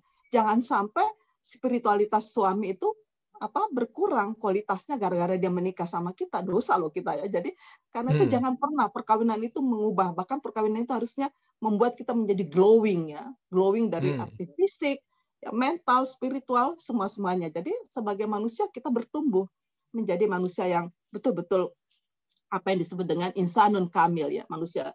Tentu tidak ada manusia yang sempurna, tapi kita berupaya menjadi manusia yang sempurna. Nah, yang kedua ini adalah pelayanan istri tanpa riset. Hmm. Ya. Aduh, bahkan ini ya, kalau saya membaca yang pelayanan istri, apalagi kalau untuk seksualitas, itu saya membaca itu bahkan pernah suatu ketika ini ada ada penghulu nih ngomong ya, memberikan tausiah. Istri wajib melayani suami, kendati dia sedang berada di atas onta. Saya tanya Pak Ustadz, ya Allah, kalau cari hadis-hadis yang relevan lah. Sekarang kan udah nggak ada onta, saya bilang Sekarang nyarinya yang di yang di Alphard gitu ya Bu ya, jangan di onta dong gitu ya kira-kira ya. Hmm. Lagian juga kok bisa ya orang orang seperti aduh kadang-kadang saya berpikir ya hadis sih hadis. Tetapi nalar krisis itu tetap lah karena saya selalu mengatakan di dalam beragama itu jangan pernah kamu kehilangan nalar kritis. Sehingga agama ini nggak menjadi bahan hmm. olok-olok. Ngerti nggak? Betul bu. Betul bu. Kasihan gitu loh. Sampai kan pikir apa nggak salah ini orangnya nah eh, yang terkait dengan apa ini ada lagi nih yang ketiga ini penyerahan diri bahwa butuh pernikahan itu adalah sebuah bentuk penyerahan diri kamu. Betul-betul udah jadi kita tuh bukan siapa-siapa nothing gitu. Apa bisa ya seperti ini? Saya katakan benar-benar ini apa ya? Saya katakan sebuah sebuah sebuah proses pembodohan yang luar biasa. Nah yang ke hmm. yang keempat ini empat ini karena yang saya katakan ini ini ada pada buku-buku agama ya ada pada buku-buku yang dijual secara laris di masyarakat kita. Yang keempat itu adalah istri itu wajib apa memberikan ketenangan kepada suami. Hah nggak salah itu ya. Jadi kasihan amat ya si istri ini sekalipun dirinya itu susah atau apa tapi dia wajib memberikan ketenangan. Pokoknya dia harus jaga bagaimana suaminya itu merasa tenang. Yang seperti ini menurut saya ya Allah bisa-bisanya ya. Nah, apa yang hmm. masalah dalam sini? Ini pandangan-pandangan patriarkal seperti ini itu dilanggengkan karena apa? Karena banyak orang yang diuntungkan dengan pandangan-pandangan seperti ini. Nah, hmm. paling banyak nih yang saya selalu selalu apa ya selalu saya uh, apa selalu saya ingin per, uh, ingin uh, apa ingin berbagi tapi kita sudah sudah banyak sih kita sudah mentraining ya para hakim, para penghulu, kita sudah buat buat modul yang bagaimana modul-modul untuk uh, apa ya untuk pencerahan, kita sudah membuat apa namanya uh, tausiah perkawinan itu modulnya apa saja, apa saja sih yang harus dimasukkan di dalam nasihat perkawinan itu. Tetapi ini tetap aja kembali lagi kembali lagi apalagi dalam konteks menguatnya fundamentalisme Islam ya termasuk hmm. di Indonesia pandangan-pandangan seperti ini seperti muncul lagi muncul lagi dan yang saya heran kok orang itu kok senang ya dengan pandangan-pandangan seperti itu ya kok tidak berontak gitu ya nah Betul. misalnya ya ya misalnya ya beberapa kali saya mengatakan ini kalau ada ada ada wedding ada nasihat perkawinan pasti si si penghulu itu pasti satu satu hadis ini nggak pernah terlupakan. Karena penelitian saya tahun 2004 saya lihat saya selalu meneliti kira-kira dalam wedding atau dalam uh, apa akad nikah hadis apa yang paling banyak muncul? Ayat-ayat apa yang paling banyak menjadi rujukan? Karena kan banyak ayat tapi pertanyaan saya kenapa Betul. kok ayat ini yang selalu jadi rujukan? Kenapa bukan ayat yang lain? Nah hadis hmm. yang paling banyak itu adalah izada'a rajulun ila izada'a rajulun ya imra'atahu ila firashi fa'abat la'anat hal malaika hatta tusbihat nah, artinya hmm. itu kira-kira jika seorang suami ya mengajak istrinya ke tempat tidur dan istrinya menolak, maka dia akan dilaknat. Ya. Hmm. Tapi dalam hadis itu kan dikatakan laknat hal malaika ya, dia dia akan dilaknat oleh malaikat hatta tusbihah sampai subuh. Dulu teman saya itu Mas Hikam yang pernah jadi menteri, dia tanya, Bu Musda, kok bisa sih malaikat ikut-ikut campur gitu ya dalam kehidupan manusia? itu pertanyaan bagus banget tuh. Iya iya iya iya. Ya malaikat gitu ya ikut-ikut dalam hukum. Tetapi kan dalam hadis itu katakan dia dilaknat malaikat sampai subuh. Jadi menurut saya kalau diajak jam 4 ya tinggal satu jam nggak apa-apa lah. tinggal satu jam. Kan itu persoalannya bagaimana bagaimana Aduh. kita membaca hadis-hadis kayak gini ini secara kritis nih kamar lo penting banget ya. Jadi betul bu. betul kata, kata kunci kata kunci dalam hadis itu ya fa'abad. Dia menolak. Pertanyaannya kenapa dia menolak? Apakah hmm. dia sakit?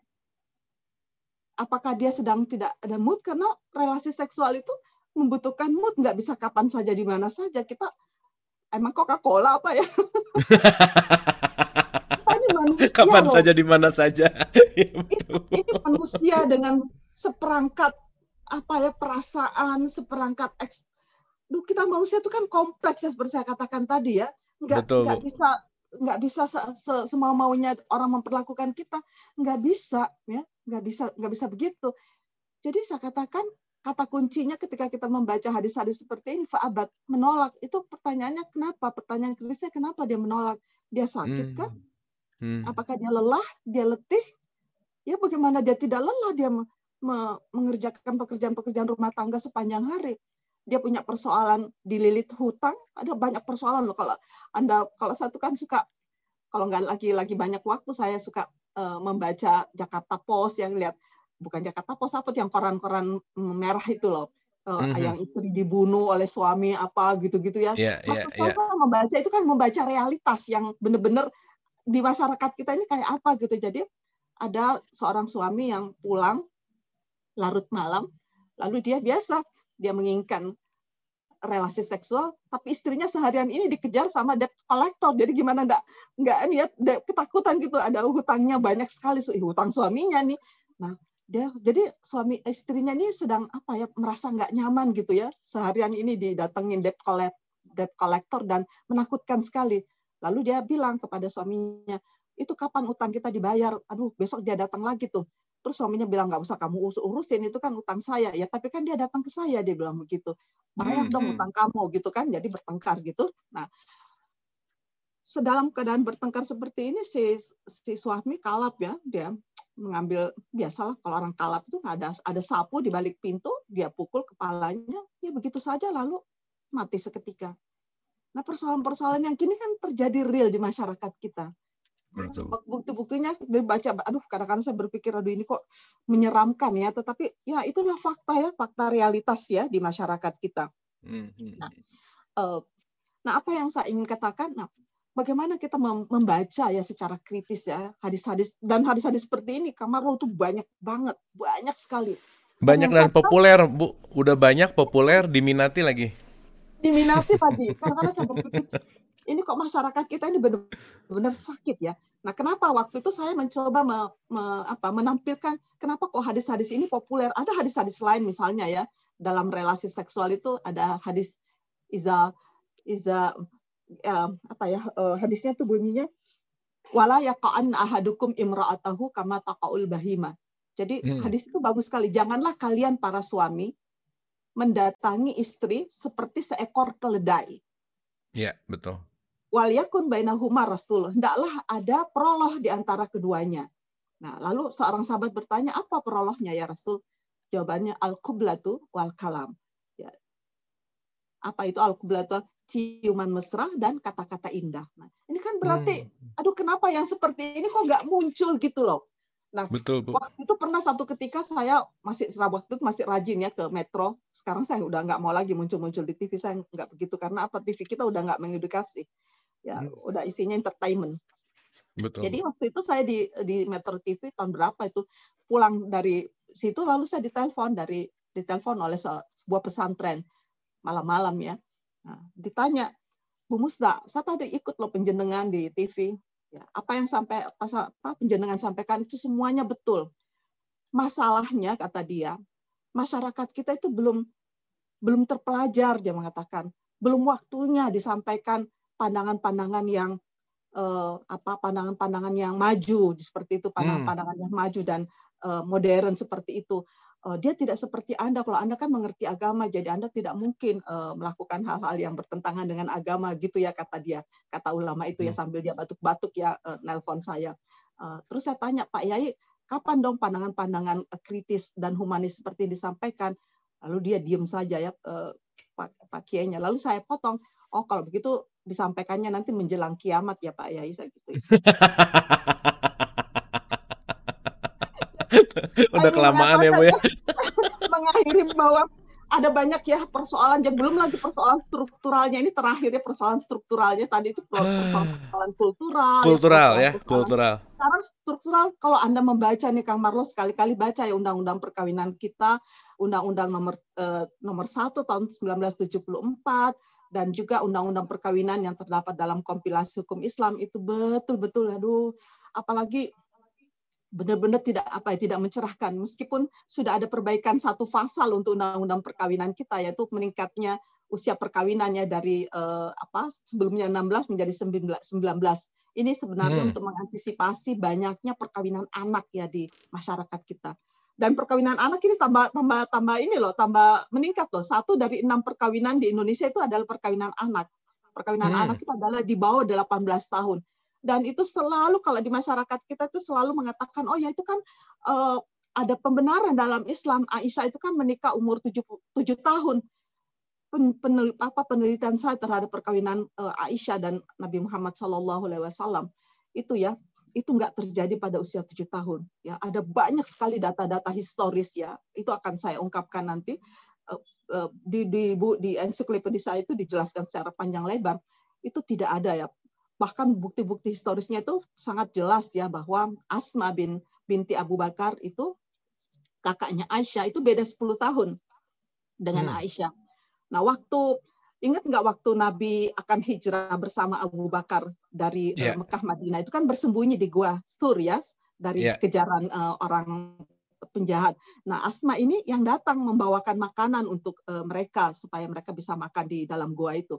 Usia Asma ketika itu sudah 25 tahun hmm. ya ketika itu ya. Nah, berarti kalau berarti kalau beda di 10 tahun dengan Aisyah berarti beda umur Aisyah ketika itu 15 tahun karena itu perkawinan yeah. Aisyah dengan Rasulullah itu terjadi pada 17 tahun banyak sekali bukti-bukti historis yang me, yang menguatkan ini tetapi karena yeah. ada hadis yang mengatakan bahwa Nabi menikah tujuh tahun dan itu satu-satunya hadis disebut sebagai hadis ahad kalau di dalam uh, kajian-kajian uh, hadis hadis ahad itu perlu dikritisi. Kenapa kok cuma satu orang yang me, hmm. yang meriwayatkan hadis itu? Kenapa nggak diriwayatkan oleh oleh para imam yang lain, lain kira-kira gitu kan? Mesti kan kita bertanya-tanya ada apa nih? Yeah. tetapi penelitian saya terhadap uh, hadis uh, yang meriwayatkan perkawinan Aisyah tujuh tahun dan itu satu-satunya hadis diriwayatkan oleh Hisham bin Urwa itu adalah seorang ahli hadis yang sangat-sangat uh, dobit. Dobit itu artinya terpercaya sikoh dan orang yang sangat uh, bisa dipercaya. Cuma masalahnya dia meriwayatkan hadis ini setelah setelah dia pindah ke Irak dan waktu itu dia sudah mengalami Alzheimer yang mengalami hmm. uh, lupa. Nah ini loh persoalan dan ini yang tidak dibaca di dalam ketika kita melihat hadis-hadis itu. Karena itu saya kira terakhir saya ingin mengatakan kepada kita semua bahwa dalam perkawinan yang penting itu adalah bagaimana kita tetap ya mengedepankan nalar kritis, tetap mengedepankan uh, apa ya sikap ketulusan hati kita ya. Tetapi satu hal adalah bagaimana kita menjadikan institusi perkawinan ini sebagai alat ya atau sebagai media untuk menumbuhkan ya kualitas diri kita sehingga kita dalam perkawinan ini bersama melaluinya betul-betul menumbuhkan kita menjadi orang yang memiliki kualitas spiritualitas yang semakin baik dan semakin baik. Saya kira itu mudah-mudahan ada manfaatnya. Terima kasih. Wassalamualaikum warahmatullahi wabarakatuh. Waalaikumsalam warahmatullahi wabarakatuh. Waduh, luar biasa banget. Boleh dong tepuk tangan dulu ya. Ini sih super duper mind blowing banget nih ya. Aduh, Bu Bu Musdah nih kalau udah memaparkan ini semua ketonjok deh pokoknya ya, semua KO nih. Oke, oke. Okay, okay.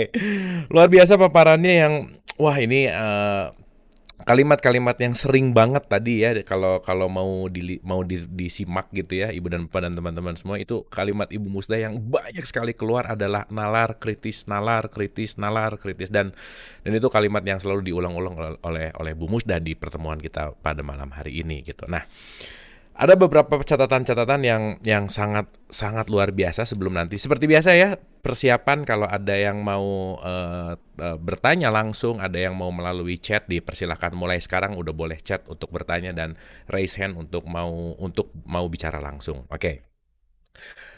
Tadi ada kalimat-kalimat atau gini, saya mau menyimpulkan dulu nih kalimat yang menarik-menarik dari yang tadi kita dengarkan gitu ya, bahwa ada lima poin penting dan itu lima poin penting ini memang jarang untuk di, disampaikan gitu, di mana misak golidah itu adalah perjanjian gitu ya, di mana perjanjian itu juga yang di kalimat misak itu adalah kalimat yang dipakai Allah untuk membuat janji dengan para wali-walinya gitu, berarti kan luhur sekali gitu. Dan Masakin nama wadah warohmah itu bukan kalimat yang habis selesai nikah semoga samawa ya ya nggak begitu juga gitu. Sakin nama wadah warohmah itu adalah pemupukan gitu. Itu poin yang sangat menarik sekali. Muasyarah bil ma'ruf itu artinya adalah ada kesetaraan juga musawa itu ada kesalingan dan kesetaraan dan yang paling penting adalah musyawarah atau di situ ada kalimat komunikasi dan yang paling menarik lagi tadi ada kalimat di mana problemnya adalah kultural dan struktural gitu dan ini semua saya rasa menjadi uh, apa ya menjadi semangat untuk kita semua untuk bisa menghadapi ini jadi lebih baik lagi. Oke, okay. uh, eh, saya pengen banyak nanya sih sebenarnya, cuman ini pertanyaan udah pada masuk dan seperti seperti biasa ya, yang di YouTube juga kalau ada yang mau tanya langsung aja chat gitu, boleh langsung chat di YouTube-nya nanti saya bacain dan yang di sini juga udah ada pertanyaan. Oke, okay. Ibu Musda, ini ada satu pertanyaan. Oke, okay, saya ya, bacakan dulu ya. Oke, okay. ya. ini kenapa videonya jadi mati ya Bu Musda? Oh, sebentar ke ke kesenggol sama saya kali ya. Oh iya, maaf. Oke, terima kasih, terima kasih. Oke, ada pertanyaan begini, Ibu. Uh, nah, gini. Uh, Bu Musda, kenapa justru sekarang makin banyak kampanye yang memundurkan perempuan, contoh poligami harus di rumah, anti feminis, kawin muda dan lain-lain. Nah, silakan Ibu, ini kenapa nih ada ada ada pandangan apa menurut Ibu kok sekarang dirasakan menurut Ibu Emalia Indra bahwa banyak kemunduran tentang keperempuanan. Silakan Ibu. Iya. Um, menguatnya fundamentalisme di seluruh dunia itu bukan bukan hanya gejala di internal Indonesia saja, tetapi ini global ya. Ada persoalan yang sangat mendasar ya dari kemanusiaan kita. Ini karena apa? Karena banyak di antara kita itu terkaget-kaget ya dengan eh, temuan-temuan sains dan teknologi yang begitu nggak lama lagi nih kita menghadapi uh, apa namanya revolusi industri revolusi uh, kelima ya revolusi yeah, 5.0. Nah, yang yang keempat saja ini uh, 4.0 ini saja kita terkaget-kaget ini nggak bisa menggunakannya dengan benar. Coba bayangkan ya ke kemajuan digital aja ini kita kan cuma rata-rata menggunakan uh, apa ya, cuman kulit-kulitnya. Mestinya hmm. dengan menggunakan uh, digital ini kita mampu mengolah data yang sedemikian rupa untuk menjadi sesuatu yang bermakna bagi kemanusiaan kita. Tapi rata-rata kita nggak mampu loh. Hanya beberapa hmm. hmm. gelintir orang saja yang mampu membaca di apa eh, big data itu dengan baik. Jadi kita setiap hari ya di apa ya di apa di uh, dirundung atau di apa uh, dicekoki dengan informasi yang berlimpah dan kita seperti kita mengalami apa ya semacam uh, kekhawatiran, ketakutan. Nah, yang seperti ini ketidakmampuan kita menghadapi dahsyatnya kemajuan teknologi itu membuat seseorang itu lalu apa semacam depen, apa uh, defensif gitu ya. Iya, iya, iya. Ini, ini jadi pegangan kita satu-satunya itu adalah agama gitu. Nah, agama hmm. yang seperti apa? Agama seperti apa? Agama yang semakin memundur ke oh itu semua tidak ada maknanya kira-kira kayak gitu. Jadi kita ingin mendenial ya kemajuan. Hmm. Jadi muncul sikap oh yang kemajuan teknologi itu nggak penting. Yang penting adalah kita begini-begini dan inilah yang membawa kita ke surga dan inilah satu-satunya harapan kita. Hmm. Nah, ini kasihan sekali orang seperti ini. Dia nggak mampu menghadapi ya kemajuan teknologi sains dan teknologi yang demikian lalu mencoba menarik diri dan menganggap orang lain itu ya ya mereka itu pasti nggak bahagia di akhirat pertanyaan saya memang Tuhan udah jamin kamu di akhirat bahagia sorry ya jadi betul, ini adalah betul, buat saya ini ada pandangan putus asa sebetulnya hmm.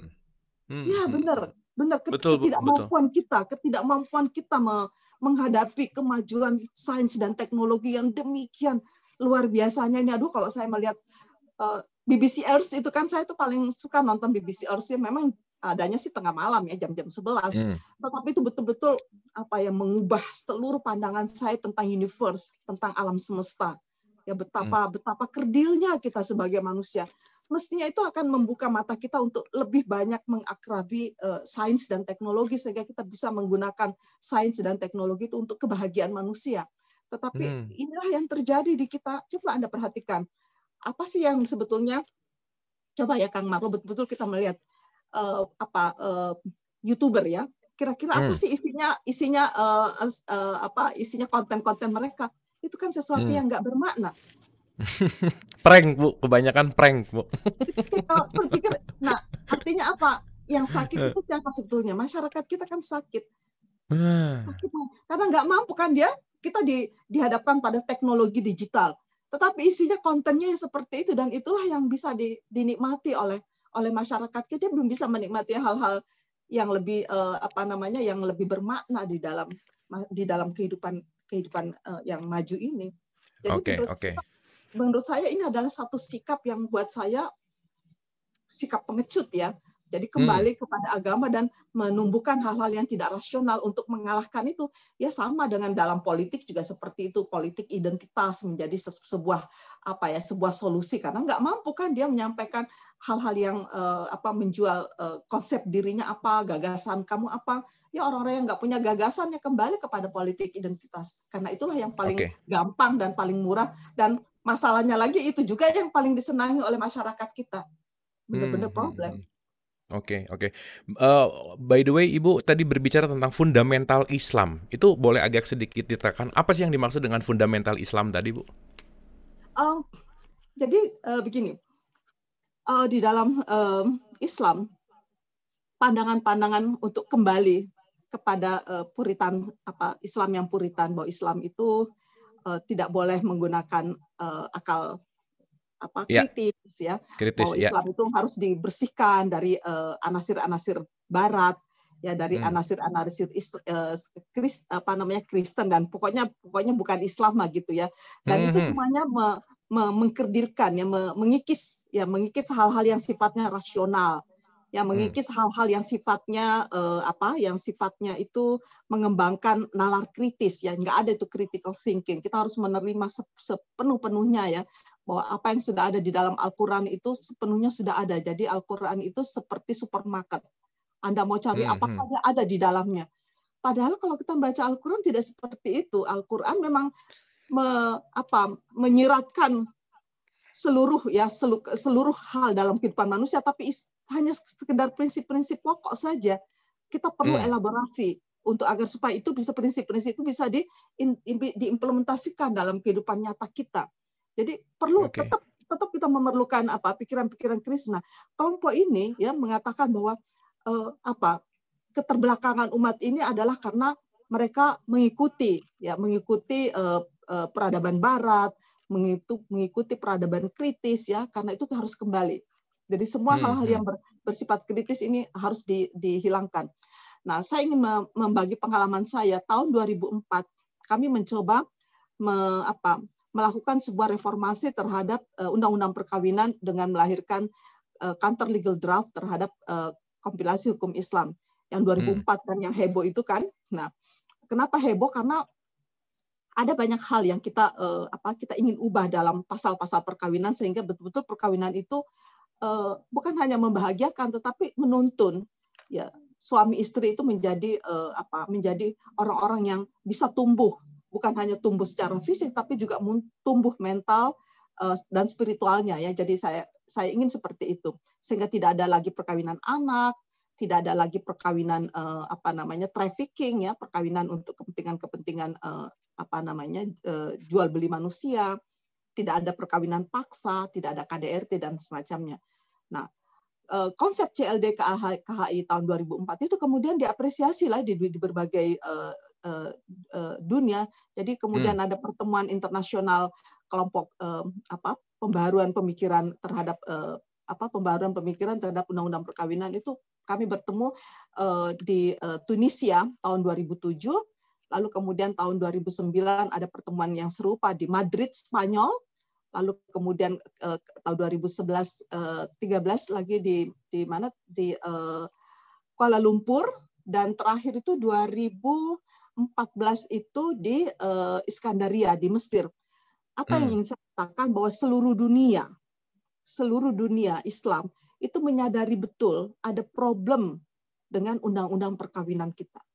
Ya, karena itu hmm. semua semua negara-negara Islam sekarang sedang bergeliat untuk melakukan pembaruan terhadap undang-undang perkawinan mereka. Tapi yang berhasil dari berbagai negara Islam itu hanya berapa ya? Hanya dua negara kayaknya Tunisia dan Maroko ya. Tunisia yeah. itu ya. hebat sekali. Sempat sudah sampai mengatur pada eh, apa usia perkawinan. Jadi usia perkawinan itu ditingkatkan ya dan juga eh, apa eh, eh perbedaan eh, perbedaan usia nikah antara suami dan istri itu harus tidak boleh senjang, nggak boleh lebih dari 15 tahun. Ini kan menarik nih, kamar Hmm. Jadi nggak boleh usia, misalnya perempuan usia eh, 60 tahun kawin sama perjaka 20 tahun, ya atau sebaliknya, ya nggak bisa karena menurut ulama di Tunisia perbedaan usia yang senjang itu berpotensi, ya di dalamnya ada unsur ada unsur pemerasan. Luar biasa loh segitu-gitunya ulama mereka mencurigai Oke, okay, oke. Okay. Nah, karena itu nggak boleh mereka menikah tanpa ada izin dari uh, apa namanya dari uh, pengadilan. Tadi ada hmm. pertanyaan hmm. yang muncul di chat, ya tapi kan ada peningkatan usia kawin, tapi kemudian uh, itu dimanipulasi dengan izin nikah. Nah ini juga nih dalam apa lembaga kita karena kadang-kadang ya ketika mau menikah usia perkawinan itu dipalsukan gitu. Jadi mm, ya, mm, untuk memenuhi 19 tahun seperti bunyi undang-undang ini kemudian ya di masyarakat atau dalam implementasinya di lapangan itu penuh dengan tipu muslihat. Ini juga problem ya dal dalam kehidupan kita karena ya susah juga sih mencari uh, apa namanya uh, mencari uh, penghulu yang benar-benar bisa uh, bisa tegas bahwa oh nggak boleh usiamu harus uh, tidak boleh dipalsukan kira-kira begitu. Tetapi yeah. kan aduh, di masyarakat kita susah yang membangun ini. Nah, apa yang ingin saya katakan bahwa ada problem ya dalam undang-undang perkawinan kita. Kalau Anda baca hmm. itu benar-benar itu benar-benar mulai dari definisi perkawinan bahwa perkawinan itu adalah me, kalau memang kalau di dalam fikih ada masalah kenapa? Karena di dalam uh, definisi-definisi fikih itu dikatakan bahwa perkawinan itu adalah sebuah uh, apa ya? milkun litamlik. Jadi pemindahan milik. Jadi kalau menikah berarti kamu menjadi milik sepenuhnya gitu ya. Iya iya iya. Kadang-kadang saya pikir kok bisa ya kita jadi miliknya dia. Wadah kita kan manusia yang diciptakan Tuhan dengan harkat dan martabat kok tiba-tiba kita jadi budak gitu ya. Iya iya iya. Gitu. Jadi kita bukan milik suami, suami juga bukan milik kita, tapi kita adalah dua entitas yang tumbuh hmm. bersama ya dalam perkawinan di mana kita saling uh, apa saling mencintai tetapi juga saling apa nah saling uh, melindungi dan juga saling mengontrol satu sama lain supaya kamu tidak terjebak dalam apa jurang kehancuran jadi kita harus mengontrol kamu jalannya ke mana nih eh salah itu nggak nggak boleh tetapi itu tidak boleh dilakukan sepihak gitu harus Tuh. nah itu tadi yang penting musyawarah perlunya ada selalu komunikasi Hmm, komunikasi hmm. bukan sekedar komunikasi, tapi komunikasi yang intens, hangat dan akrab. Karena itu penting nih kita membangun uh, komunikasi ya di dalam kehidupan keluarga kita karena komunikasi itu penting penting sekali. Belajarlah hmm. berkomunikasi yang menyenangkan dan membahagiakan. Saya kira itu. Wah. Luar biasa Ibu, terima kasih. Berbicara Tunisia bahwa Tunisia retas tradisi Tunisia izinkan perempuan menikah beda agama. Itu salah satunya juga ya Bu ya. Itu terjadi ya, tahun ya. 2017 itu. Apa pandangan Ibu tentang ini Bu? Wah itu sih satu satu apa ya satu webinar lagi itu. Oh ya oke okay. kalau gitu kita nanti akan bikin ini di uh, yang lain gitu ya. oh ya ini berarti udah gitu. Iya ya, oke oke. Ini berarti udah kode Bu Musdah mau datang lagi ke dialog positif gitu ya kira-kira. Oke, terima kasih Ibu. Atur nuhun.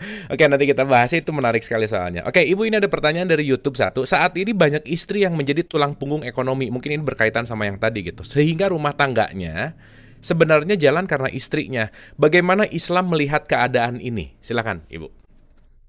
Ya, itu kan realitas ya, realitas ya. sosial ya. kita. Jadi di dalam di dalam uh, Islam penghargaan kepada kalau dia menjadi uh, apa namanya menjadi tulang punggung dalam keluarga, seluruh keluarga itu harus menghargai dia sebagai seorang yang memberikan kehidupan gitu. Meskipun yang memberikan kehidupan itu adalah Tuhan, tetapi setidaknya dia harus dihargai dia harus dibebaskan dari tugas-tugas uh, apa domestiknya. Bisa nggak seperti itu? Jadi seluruh keluarga, suami, is, uh, apa anak-anak dan juga keluarga besar itu harus memberikan keistimewaan kepada dia dan memberikan hmm. bahwa ada orang yang melakukan itu dengan setulusnya ya dia nggak nggak nggak apa ya nggak nggak merasakan itu beban tetapi dia bahkan saya menemukan beberapa orang mengatakan saya harus melakukan ini Bu Musta karena saya yakin inilah yang membawa saya ke surga It's okay kalau itu keyakinan kamu. Tetapi saya ingin mengatakan kepada kamu bahwa kamu bisa loh, kamu punya pilihan dalam hidupmu. Tetapi hmm. kalau kamu memilih itu sepenuhnya dengan ketulusan, it's okay. Tetapi jangan jangan kamu yakin ya bahwa penderitaanmu itu adalah adalah uh, jaminan bagi kamu. Jalan kunci. No. ab, ab, abis gitu ngajak orang lain lagi. tidak seperti itu. Kamu tidak harus tidak harus menderita beban seperti itu nggak harus. Tetapi kalau ini sesuatu yang kamu pilih dan kamu rasakan bahwa ya kamu harus melakukannya dan kamu nyaman melakukannya it's okay. Tetapi saya ingin mengajarkan kepada kita semua bahwa kalau ketemu dengan orang-orang seperti ini tolong deh please ya kalian suami anak-anak dan keluarga besar berikan penghargaan ya setinggi tingginya kepada dia. Karena itu bukan seharusnya menjadi beban dia. Ya Islam pun memberikan wah kalau di Islam itu luar biasa bagaimana seorang istri itu apa ya memberikan sumbangan kepada kepada kepada keluarganya itu juga sebuah apa ya sebuah kerja-kerja amar ma'ruf nahi mungkar yang menurut saya yang katakan tadi bagian dari misi misi ke kemanusiaan kita. Karena itu saya ingin mengatakan kepada semua perempuan bahwa kamu itu adalah makhluk yang punya harkat dan martabat dan kamu punya pilihan dalam hidup kamu. Karena itu pastikan kamu memilih yang benar, memilih hal-hal yang betul-betul membawa kamu kepada kebahagiaan tetapi juga menumbuhkan ya kualitas spiritual kamu nanti untuk kehidupan di akhirat. Oke, okay. terima kasih Ibu. So beautiful sekali jawabannya. Terima kasih. Ini sudah ada yang raise hand. Ibu mungkinnya Ibu Lina uh, iPhone 6. Silakan Ibu, udah raise hand. Silakan untuk di unmute. Oke. Okay. Ibu Lina, oh, apa kepencet kali ya? Oke. Okay. Oh iya, oke okay, silakan. Silakan. Assalamualaikum warahmatullahi wabarakatuh. Waalaikumsalam. Silakan Ibu. Ibu, aduh, ini my favorite speaker. Ibu, saya itu pengikut Ibu, fans berat Ibu dari dulu. So, oh. Saya itu penasaran dan curious sekali dengan akak ini terjadi di Indonesia, khususnya di Jakarta dengan tingkat intelektual wanita yang bagus-bagus. Jadi saya saking penasaran, saya ikut satu pengajian di mana itu membahas tentang hadis-hadis wanita, Ibu. Di hmm. sana itu tidak ada celah untuk wanita bersuara untuk mengaktualisasi diri mereka sama sekali. Hmm. Jadi saya itu sempat uh, tanya sama Ustadz tuh akhirnya saya nanya gitu. Uh, Ustadz itu uh, bagaimana misal kondisi cara berpakaian. Jadi basically Ustadz itu uh, pada umumnya para Ustadz itu mengambil di surat Al-Azab.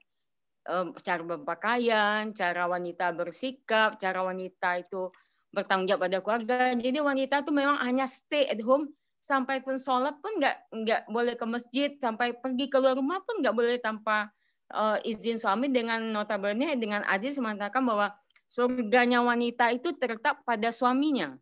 Hmm. dan tidak ada celah. Jadi itu benar-benar tidak ngasih kesempatan untuk wanita untuk untuk berbuat atau bersikap besar even terhadap orang tuanya sendiri. Nah, itu menurut saya apakah sehingga di sana dikatakan hadis itu saya berdebat sama ustadz tersebut itu sampai bilang ibu tahu seorang wanita itu bisa masuk ke surga pintu mana aja yang dia mau asal dia hanya pertama dia sholat lima waktu dia uh, puasa Ramadan dan dia taat pada suaminya itu hmm. sampai saya itu berdebatnya di babak kusir dan Ustaz Kakak dan saya maksudnya dengan ting tingkat pengetahuan agama saya yang terbatas ya saya akhirnya diam ibu jadi itu bagaimana meyakinkan untuk wanita bisa ber, melihat masa berpilah-pilah pada saat ini saya banyak sekali para wanita itu terjebak ibu bisa lihat wanita-wanita sekarang itu seperti orang Arab gitu cara berpakaian segala hmm, macamnya hmm, hmm. gitu loh hmm, jadi hmm. mungkin apa ya tanggung jawab para wanita juga untuk bisa mengaktualisasikan dirinya untuk mencari ilmu yang kapasitas yang benar gitu loh ibu. Jadi sumber itu lebih banyak ke hadisnya gitu daripada Al-Quran itu sendiri. Yang patokan Al-Quran itu surat Azab tersebut.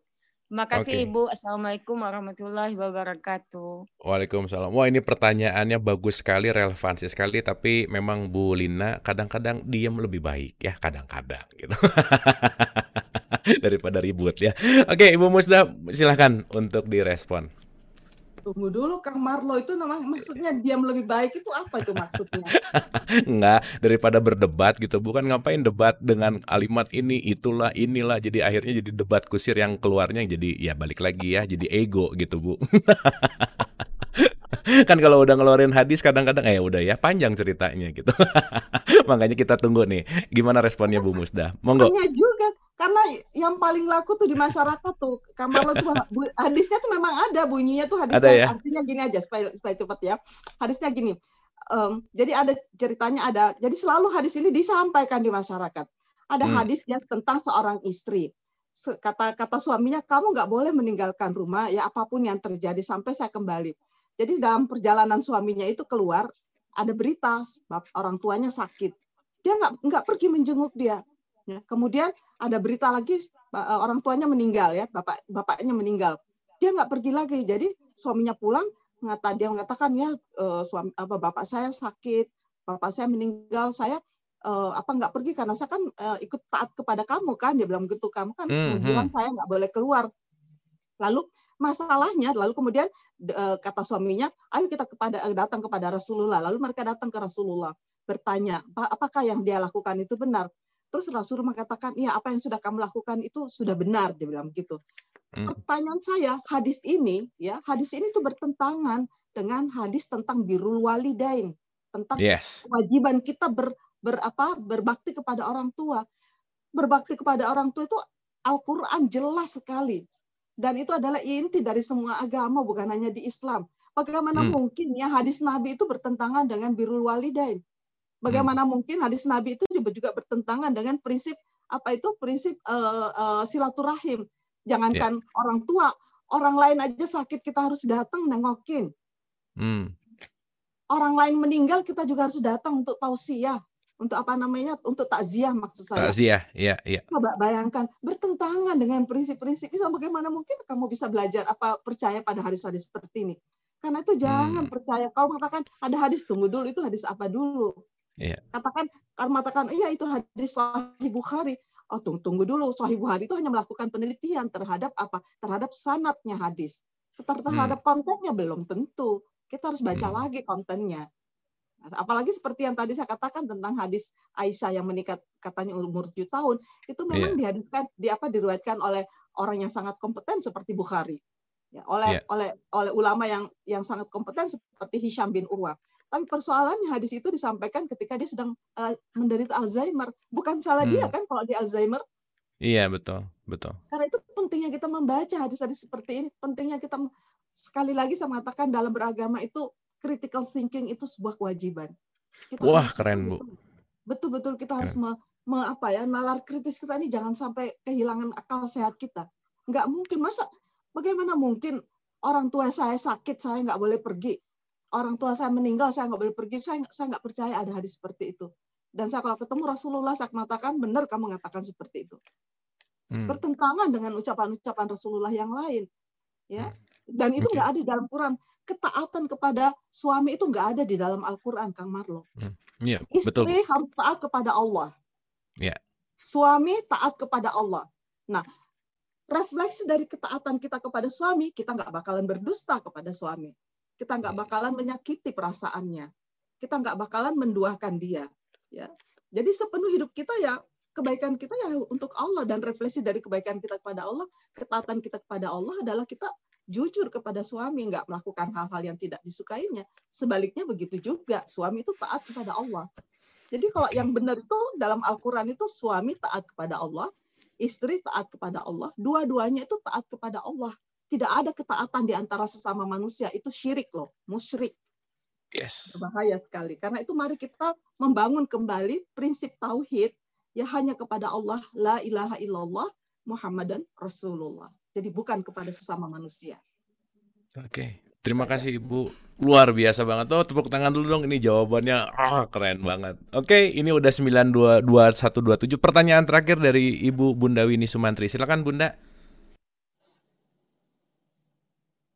Bunda Wini boleh di unmute? Nah, silakan. Ya, ya, ya, ya. ya oke. Okay. Assalamualaikum warahmatullahi wabarakatuh. Waalaikumsalam. Terima kasih sekali penjabarannya luar biasa. Lima prinsip pernikahan. Mungkin kalau untuk sudah nancep ibu ya. Cuman yang saya prihatin itu untuk anak kedengaran. muda ya. Yang uh, Bu Winnie mungkin boleh agak lebih dekat. Ini suaranya nggak kedengaran, boleh? Nah, kita okay. silahkan. Oke. Okay. Oke. Okay. Ya Ibu, terima kasih untuk penjabarannya mengenai lima prinsip dasar pernikahan. Itu mungkin kalau untuk kami yang sudah uh, memasuki usia pernikahan 40 tahun ke atas sudah nancep ya Bu ya.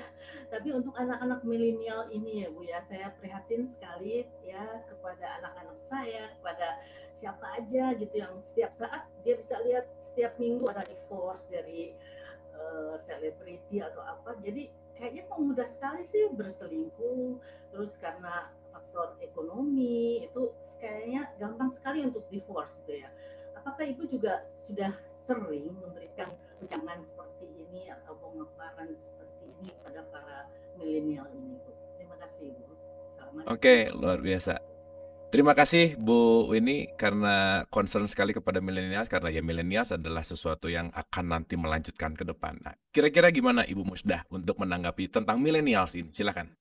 Iya, saya kira penting ya e, membangun uh, apa buat saya kelompok milenial itu adalah kelompok yang paling ya paling dirugikan dengan apa digital ini karena hidupnya itu di depan layar. Boleh hmm. dikatakan mereka itu adalah manusia layar. Nah, sementara pandangan-pandangan yang yang apa yang banyak membanjiri itu adalah kelompok-kelompok fundamentalis ini ya karena apa karena mereka memang dari dulu dari dulu menguasai media kemudian yang kedua mereka ya ada militansinya itu jihad dan sebagainya. Yeah, yeah, orang-orang yeah. orang-orang seperti kita ini orang-orang yang pro demokrasi dan pro pandangan humanis seperti kita ini kan tidak ada tidak ada apa ya, greget yang untuk apa gitu ya. Karena kita kan Betul. tidak mempercayai hal-hal kayak gitu. Jadi kita ini santai menghadapi itu. Tetapi penting nih di keluarga di, diajarkan ya bahwa bahwa dalam beragama sekali lagi saya ingin mengatakan bahwa jangan pernah kehilangan nalar kritis di dalam memahami agama karena agama selalu menghendaki kita ya untuk tetap ya menggunakan pikiran sehat. Dan itu terdapat di dalam ratusan ayat di dalam Al-Qur'an. Afala tatafakkarun ya afala tatadabarun ya, ya. afala tanzurun. Apakah kamu tidak melakukan penelitian? Apa kamu tidak menggunakan akal sehatmu bahkan seperti yang saya katakan di awal tadi menarik loh ketika saya membaca 106 ayat ya yang bicara hmm. tentang perkawinan dalam Al-Qur'an. Itu menarik sebagian besar itu bicara ayat-ayat itu diakhiri dengan kalimat afala tatafakkarun. Kenapa Betul. kamu tidak menggunakan pikiranmu? Ya, jadi saya pikir dalam perkawinan pun kita harus banyak ya mengedepankan akal sehat kita. Sehingga apa? Tidak terjadi hal-hal yang menurut saya ini penting ya membangun kesadaran baru karena bukan apa-apa. Karena kalau terjadi hal-hal yang seperti tadi dikatakan istri taat kepada suami lalu bagaimana bagaimana dia bisa bisa itu terjadi bahwa ketaatan itu terjadi kepada sama manusia bukankah ketaatan itu hanya kepada Allah semata ya sebagai pencipta hmm. kita karena itulah in, apa inti dari tauhid kita kepada Allah Subhanahu wa taala. Nah, buat saya ketaatan saya kepada Allah Subhanahu wa taala itu merefleksikan rasa cinta kepada suami, rasa pengabdian kepada orang tua, rasa untuk berbuat baik kepada semua semua manusia. Sehingga bagaimana ketakuan apa ketakutan saya kepada Allah, ketaatan ke, kepada Allah Subhanahu wa taala membuat saya menjadi orang yang betul-betul bertakwa dalam arti orang yang selalu membangun kebaikan untuk semua makhluk di alam semesta ini. Oke, Ibu, luar biasa. Tepuk tangan dulu dong buat Bu Musdah ya malam. Udah deh dua kali ke sini Bu Musdah tuh selalu bikin super mind blowing luar biasa Ibu. Terima kasih Ibu inspirasinya, ilmunya. Wah, luar biasa Bu. Pokoknya ini dari tadi uh, tahan nafas Bu. Ini nerimanya tuh tahan nafas gitu kira-kira luar biasa. Oke, Ibu pengennya ini kita diskusi lebih lama lagi tapi waktu jualah 2132 sud udah sudah jam 2132. So, Ibu Musdah, final statement untuk episode 108. Silahkan um, saya ingin mengucapkan apa ya tadi? Hmm.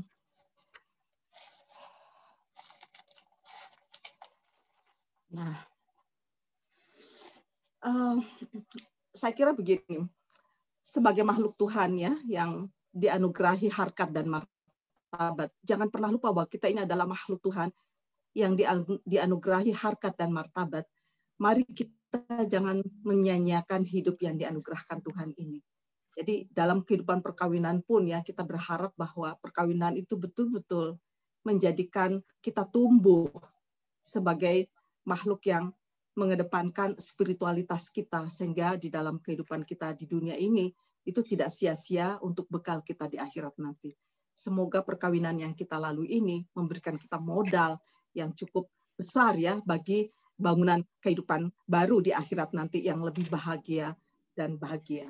Saya kira itu saja. Makasih. Mudah-mudahan ada manfaatnya. Terima kasih Ibu. Bukan ada lagi super duper sangat bermanfaat sekali pertemuan kita malam hari ini. Dan uh, akhir dari closing statement Ibu Musda yang sangat indah tadi, yang sangat luar biasa indah tadi, mengakhiri juga perjumpaan kita malam hari ini. Ingat, nalar kritis. Nalar kritis dan nalar kritis. Gitu ya. Jangan sampai teks lebih di bawah daripada nalar kritis kita. Terima kasih, mohon maaf lahir dan batin. Wabillahi taufiq wal hidayah. Assalamualaikum warahmatullahi wabarakatuh. Yeay, tepuk tangan dulu dong buat Bu